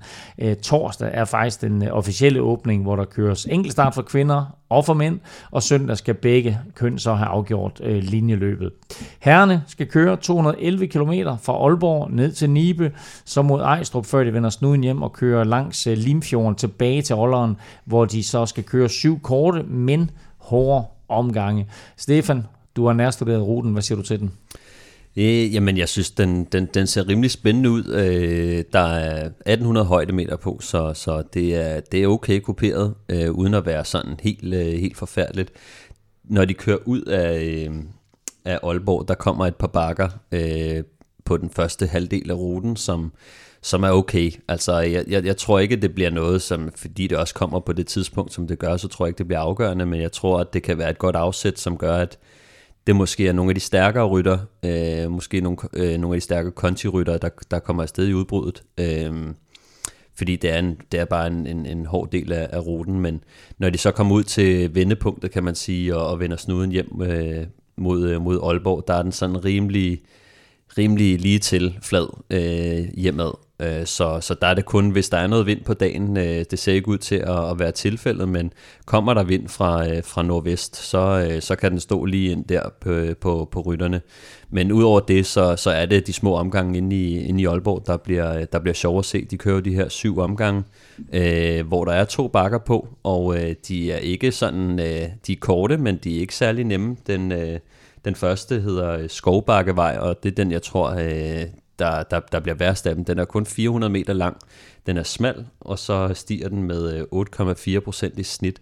Øhm, det er noget, som minder lidt om, om Kidesvej. Det er i hvert fald mange, der har, der har sagt, Kidesvej er godt nok øh, lidt over 11 procent i snit, så, så lidt værre med Kidesvej, også fordi Kidesvej har øh, den her øh, stejle, stejle sektion på, øh, hvor det kommer op på en, hvad er det, 19-21 procent eller sådan noget. Øh, så, så nok ikke helt lige så slemt, men, men, men sammenligningen er der dog, at øh, det, det kan minde lidt om, øh, om noget Kidesvej. Og så den, der hedder Nordtoften, som, øh, som kommer øh, lidt efter, som, øh, som er 700 meter lang med, med 5,8 procent i snit. Så det, det er jo lidt sjovt, når vi sidder og snakker om, øh, om World Tour løb og, og de lange stigninger, og øh, der skal de jo nærmest være øh, plus 5 km og, og over 8% i snit nærmest, øh, før at øh, der sker en sådan rigtig udskilning. Men, men til DM øh, i det her terræn, øh, når man skal køre de små omgange op over de her, så øh, det betyder bare, at der er rigtig mange afsæt og mange gange som, øh, som rytterne, fordi at der bliver kørt stærkt over bakkerne og imellem bakkerne, så derfor begynder det at, at lige pludselig at blive øh, meget afgørende. Så den, øh, det tror jeg bliver rigtig spændende, og, og en, en, faktisk en rute, hvor jeg kan være lidt i tvivl om øh, de spurtstærke øh, folk, øh, de, de kommer øh, helskindet øh, med hjem til stregen. Så det er jo sådan noget som øh, Michael Mørkøv, hvor at jeg umiddelbart øh, tror godt, han kan komme med hjem, men hvis der bliver kørt rigtig stærkt, så, så tror jeg også, han kan komme i, i problemer på, på finalen. Lad os bare tale lidt om favoritter, fordi øh, når vi skal tale om favoritter, så skal vi også tale øh, mere eller mindre om, om dem, som ikke øh, er med. Ja, man kan sige, at lige nu er det jo, er det jo meget det her spørgsmål, som, som jeg tror, det var Andreas Kron, der også sådan lidt, lidt stillede det retorisk i, i et TV2-interview under Schweiz rundt, at hvad, hvad tænker han egentlig selv om, øh, skulle man droppe DM for ikke at risikere noget i forhold til Tour de France, med, i forhold til corona? Øh, er der nogle af holdene, der simpelthen siger til deres ryttere, I kan ikke få lov at stille op, fordi vi vil altså gerne have jer med i Tour de France, og, og de her ting. Og så er der dem, der, der, der røg ud af nogle løb på grund af corona, øh, som blandt andet øh, Kasper P., vi skal høre om her om lidt. Men, men det vi ved i hvert fald, det er jo, at øh, Jonas Vingegaard, Jakob Fuglsang, Søren Krav og Chris Juhl, de, meld, de har meldt ud sådan tidligere, at de, mm. de, de skulle ikke med til DM. Og så har vi de, de, de to øh, faldende krigere, øh, hvad hedder det, Kasper Askren og Michael Valgren, som heller ikke kommer med. Så, så, så de er i hvert fald ud, og det er jo en, en række ret store profiler, må man sige, mm. øh, på, på det der. Og så må, vi, øh, så må vi se her de næste dage, hvad, hvad de forskellige både individuelt beslutter, eller om der er nogle af deres hold, der også øh, sætter nogle, nogle begrænsninger for dem, i forhold til, hvad de får lov at... Og i hvert fald dem, der har været med i Schweiz rundt, de, de har, det kunne man mærke, de har, de har fået sådan lidt en, en, en frygt for, hvad fanden, øh, hvad fanden er, der sker her. Ikke? Ja, der, altså, der er også en del, der har haft øh, corona. Altså, øh, jeg tror øh, både øh, nu, nu Kasper Pedersen, som har haft det, regner jo med at køre, men det er jo lidt svært at sige... Øh, øh, hvilken, altså, hvad, han, hvad han kan yde på dagen selvfølgelig. Præcis. Så er der sådan nogen som øh, Mikkel Bjerg og Johan Price Peitersen, som også har haft corona. Og jeg ved faktisk ikke engang, om, øh, om, om de ender med at stille op, eller, mm. øh, eller hvis de gør, hvad de så har at køre med. Altså, det er jo det, er jo det der ja. spørgsmål. Så, så lige nu er det faktisk lidt usikkert, når vi taler om favoritter faktisk, at vi er ikke helt sikre på, at, at, at folk kommer med, mm. øh, på grund af, enten på grund af corona, eller hvis de har valgt ikke at, at køre det. Øh, dog, Men, en, ja, undskyld. Ja, nej, jeg tror, dog tror jeg, at, at de fleste vælger at køre det. Altså øh, til trods for, at, øh, at der har været corona nede i Schweiz, øh, så har de jo også, øh, og det ved de jo også fra, øh, fra, fra DCU's side, at øh, de har indført nogle restriktioner, fordi at de godt mm. ved, at der er mange, der tænker på det her. Mm. Øh, og det er jo ikke kun cykelrytter, det er, det, det er jo alle, og det er generelt sundhedsproblem, når man samler så mange mennesker til et event, øh, og det handler om sport, så... Øh, så, så, øh, så er det ikke så godt at, at mixe alle mulige mennesker, som også kommer udlands fra. Og det bringer os sådan set til næste spørgsmål, fordi en af dem, I ikke nævner nu her, det er Mads P.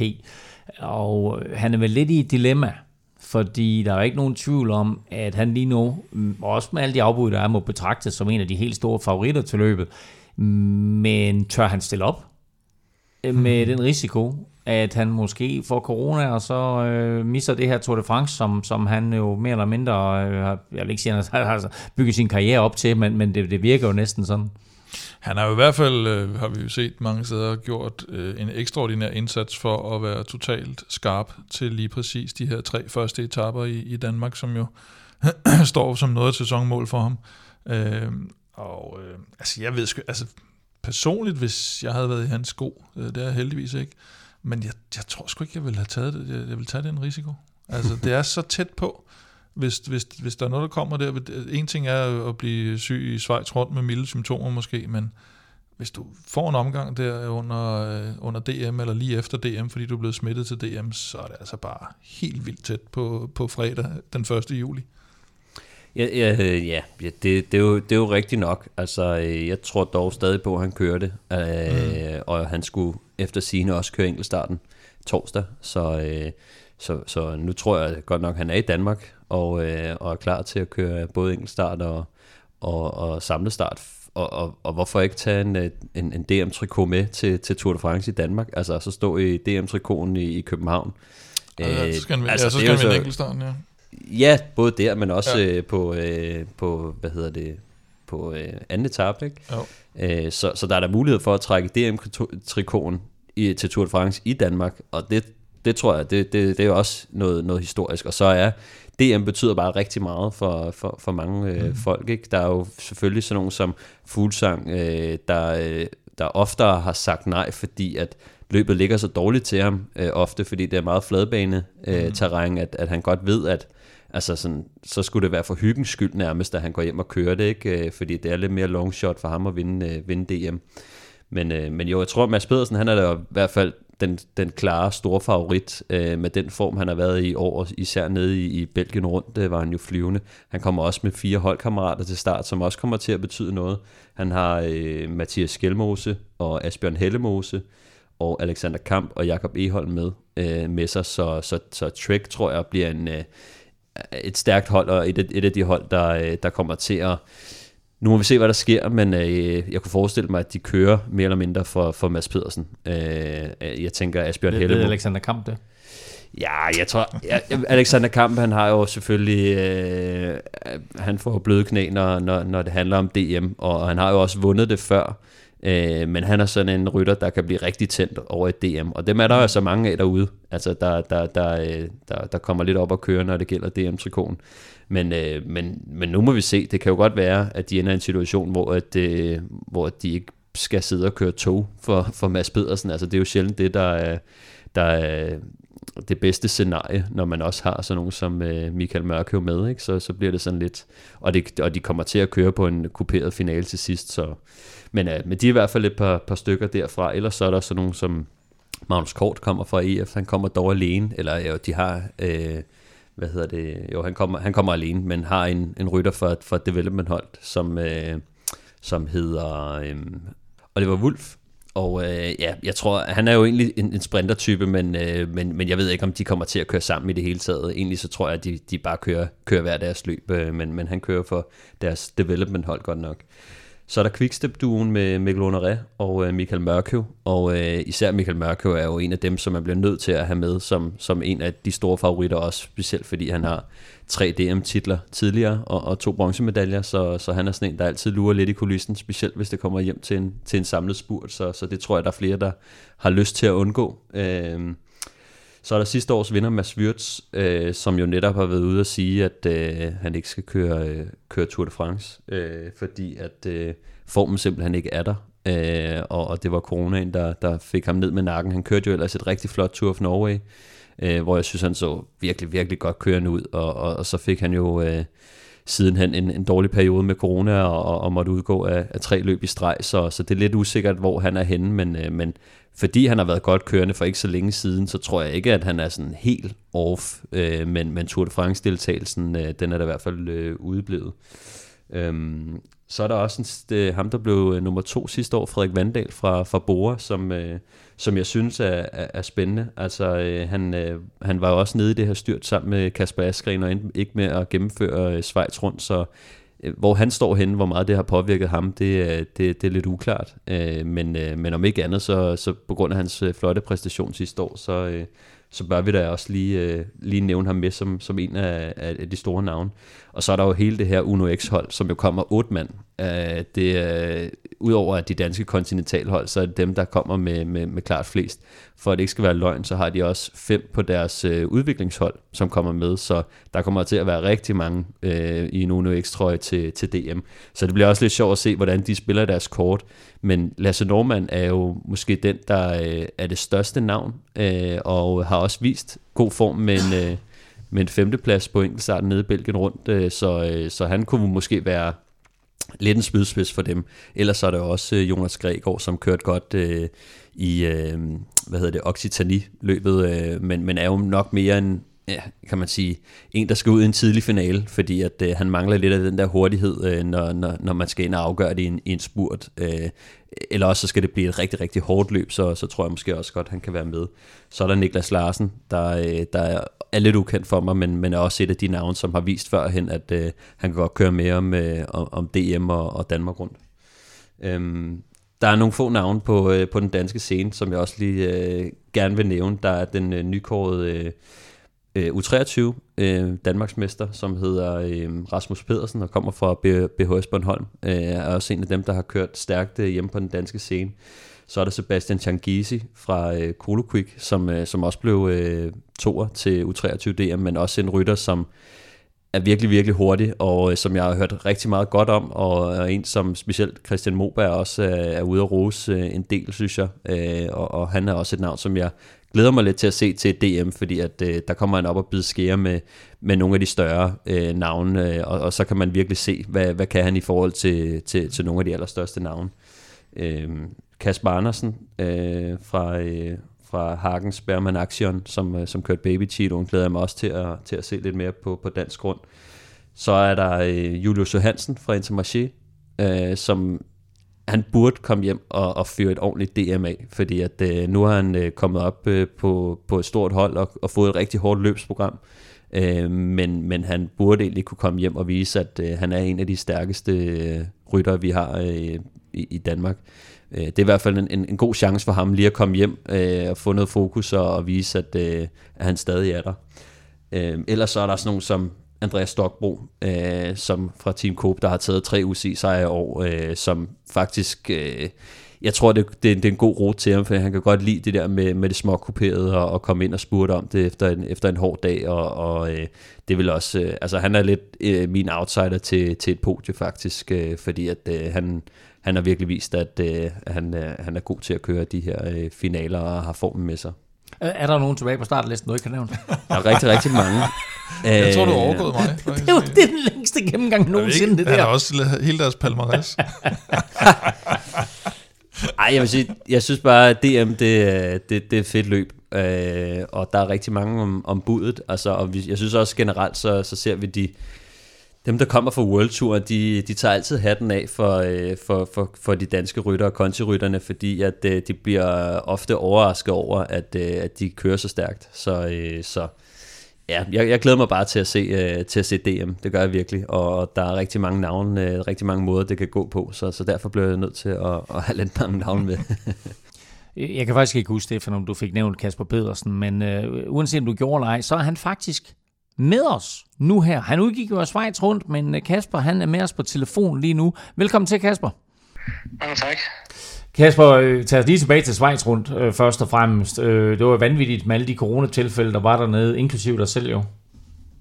Ja, det, øh, det startede egentlig meget fint ud med, at øh, ja, der ikke rigtig var nogen, men øh, så efter tredje og fjerde etape, så begyndte det ligesom stille og roligt at være nogle få, der testede positive, og så gik det ellers lynhurtigt med, at det nærmest var hele og halve hold, der enten trak sig ud, eller havde halvdelen af holdet, der måtte undgå at stille til start. Øhm, så at det gik meget, sådan meget hurtigt. For eksempel for vores hold, der stod vi øh, nærmest at skulle afsted med bussen, øh, da vi ligesom øh, finder ud af, at øh, halvdelen er så positiv, og så, øh, så de, de resterende tre, de var lige ved at miste starten, fordi vi øh, afventede lidt, hvordan vi lige ændrer logistikken og sådan noget, for at holde afstand.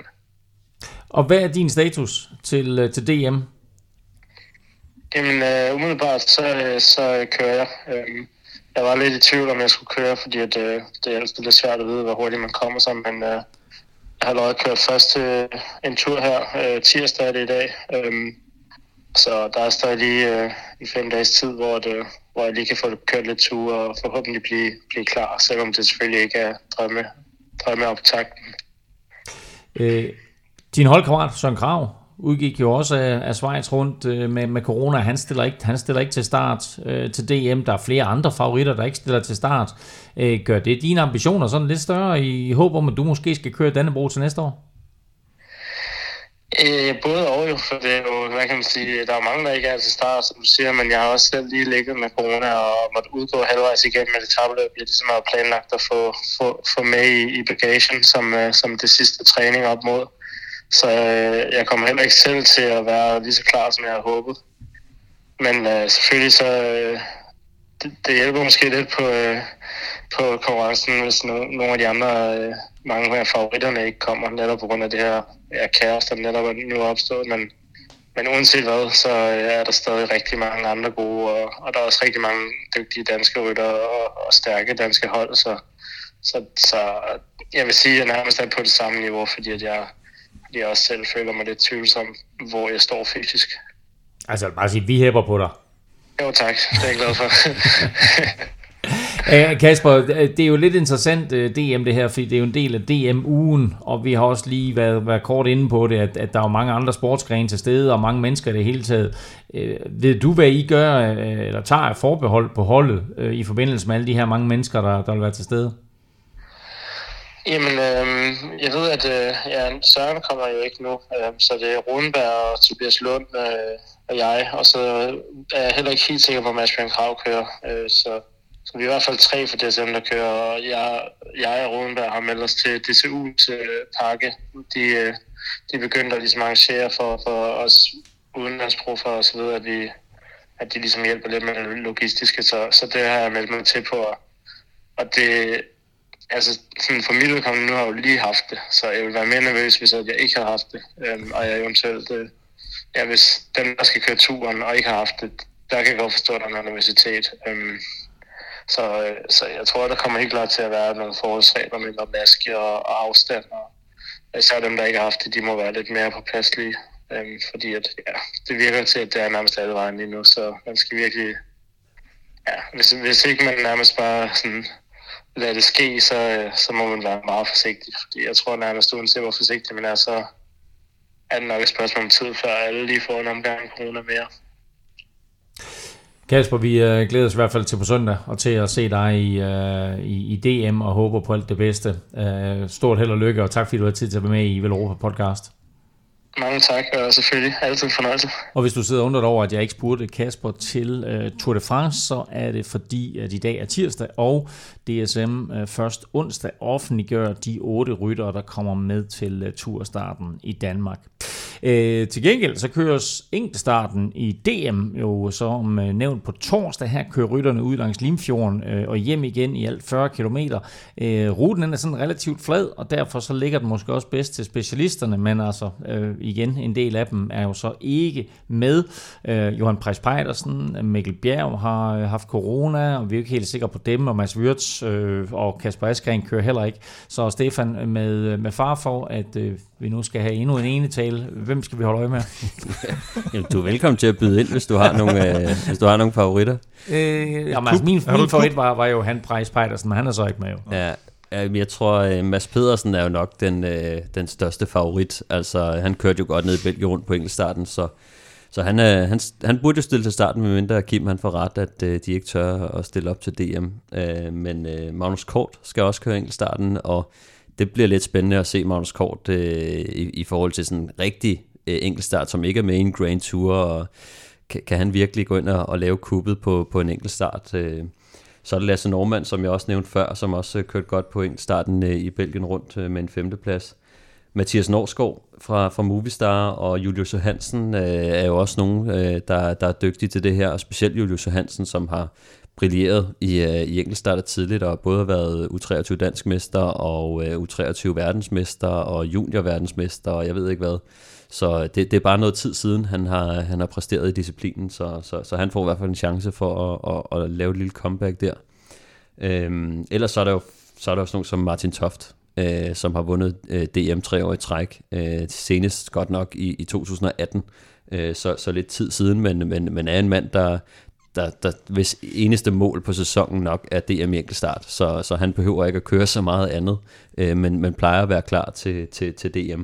Han har også en holdkammerat, som hedder Adam Holm Jørgensen, øh, som er en rigtig god øh, enkeltstartskører, som blandt andet også vandt øh, første afdeling af Demin-koppen, som er, kan man sige, den gamle postkop, øh, som, som er sådan en, en, en serie, der bliver kørt af 4-5 afdelinger øh, over, over året, og det plejer at være der, hvor de fleste kommer i, i skarpe, skarpeste opstilling og, og, og gerne vil køre, øh, køre race. Øh, og, øh, og han vandt den første afdeling, som var en enkelt start. Øh, og, og derfor så, øh, han slog netop Martin Toft, så, så, så han, er, han er sådan en af de der unge drenge, som, som lige pludselig viser, at han er, han er rigtig god på, på enkelt start.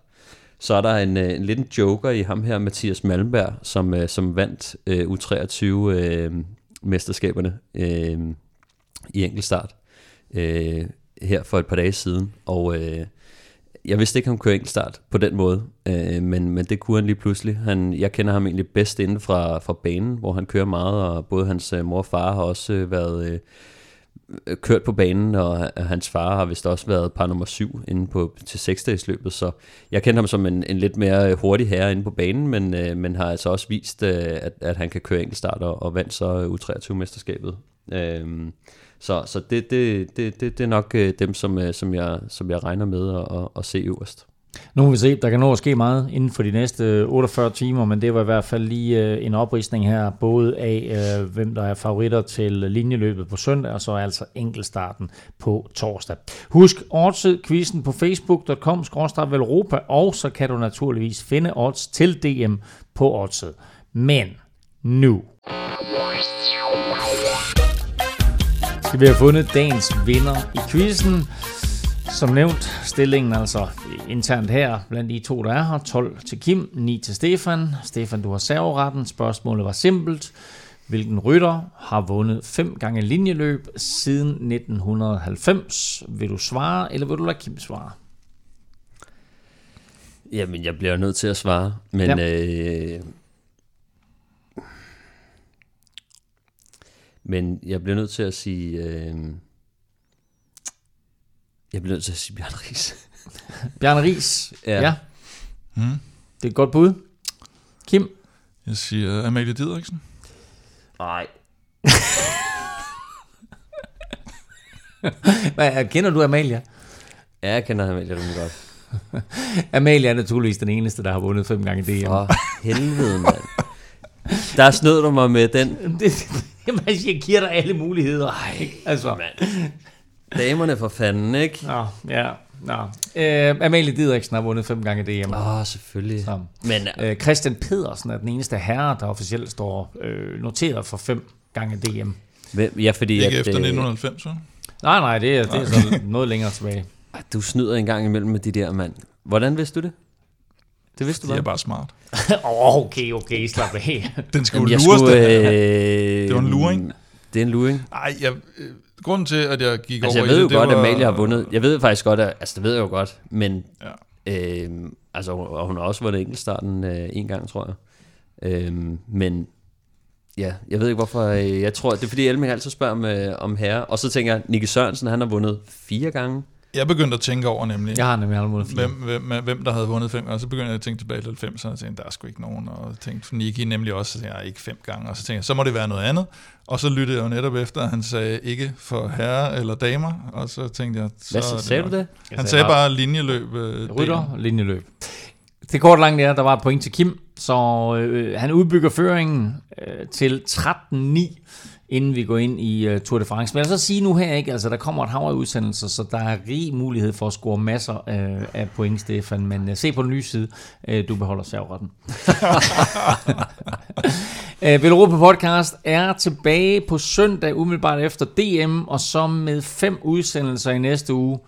Ja, du hørte rigtigt. Fem udsendelser i næste uge. Mandag er der Holde.dk special med fokus på turspillet, og onsdag har vi den store Tour de France optakt, og så sender vi turpodcast efter hver af de tre danske etaper fredag til søndag, hvor vi rejser med feltet rundt i Danmark. Og inden du sidder og tænker, shit, det bliver dyrt i 10 donationer, så laver vi flere af udsendelserne udenom 10'er, blandt andet vores Holde.dk special på mandag.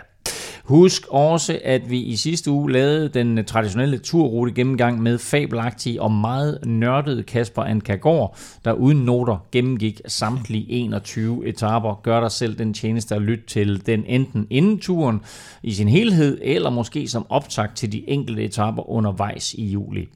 Tjek Velropa shoppen ud på velropa.dk og se om der er en Grand Depart t-shirt eller hoodie, som du synes om. Og hvis du vil vinde Velropa Cup, en bog og en turøl plus øh, det her nye matchspil, så hop ind og støt os på øh, tier.dk. Og så må du meget gerne også lige gå ind og give os nogle stjerner og en anmeldelse i din podcast-app. Det hjælper os til at komme ud til endnu flere cykelfans i det danske land her under Tour de France. Indtil vi høres ved, der kan du følge Kim og Velropa på Twitter. Det sker på Snablag Velropa. Stefan finder du på Snablag Stefan Djurhus, og undertegnet finder du alle steder på Snablag NF Elming. Tak for nu. Tak fordi du lyttede med. En øh, podcast, hvor vi fandt ud af, at Stefan Djurhus altså er bedre end Tim Vellens. Tak til alle vores støtter på tier.dk. Uden jer, ingen vil råbe på podcast, og tak til vores partner Hello Fresh og også støt dem, de støtter os på 5-6 dobbelt genhør den næste uges tid.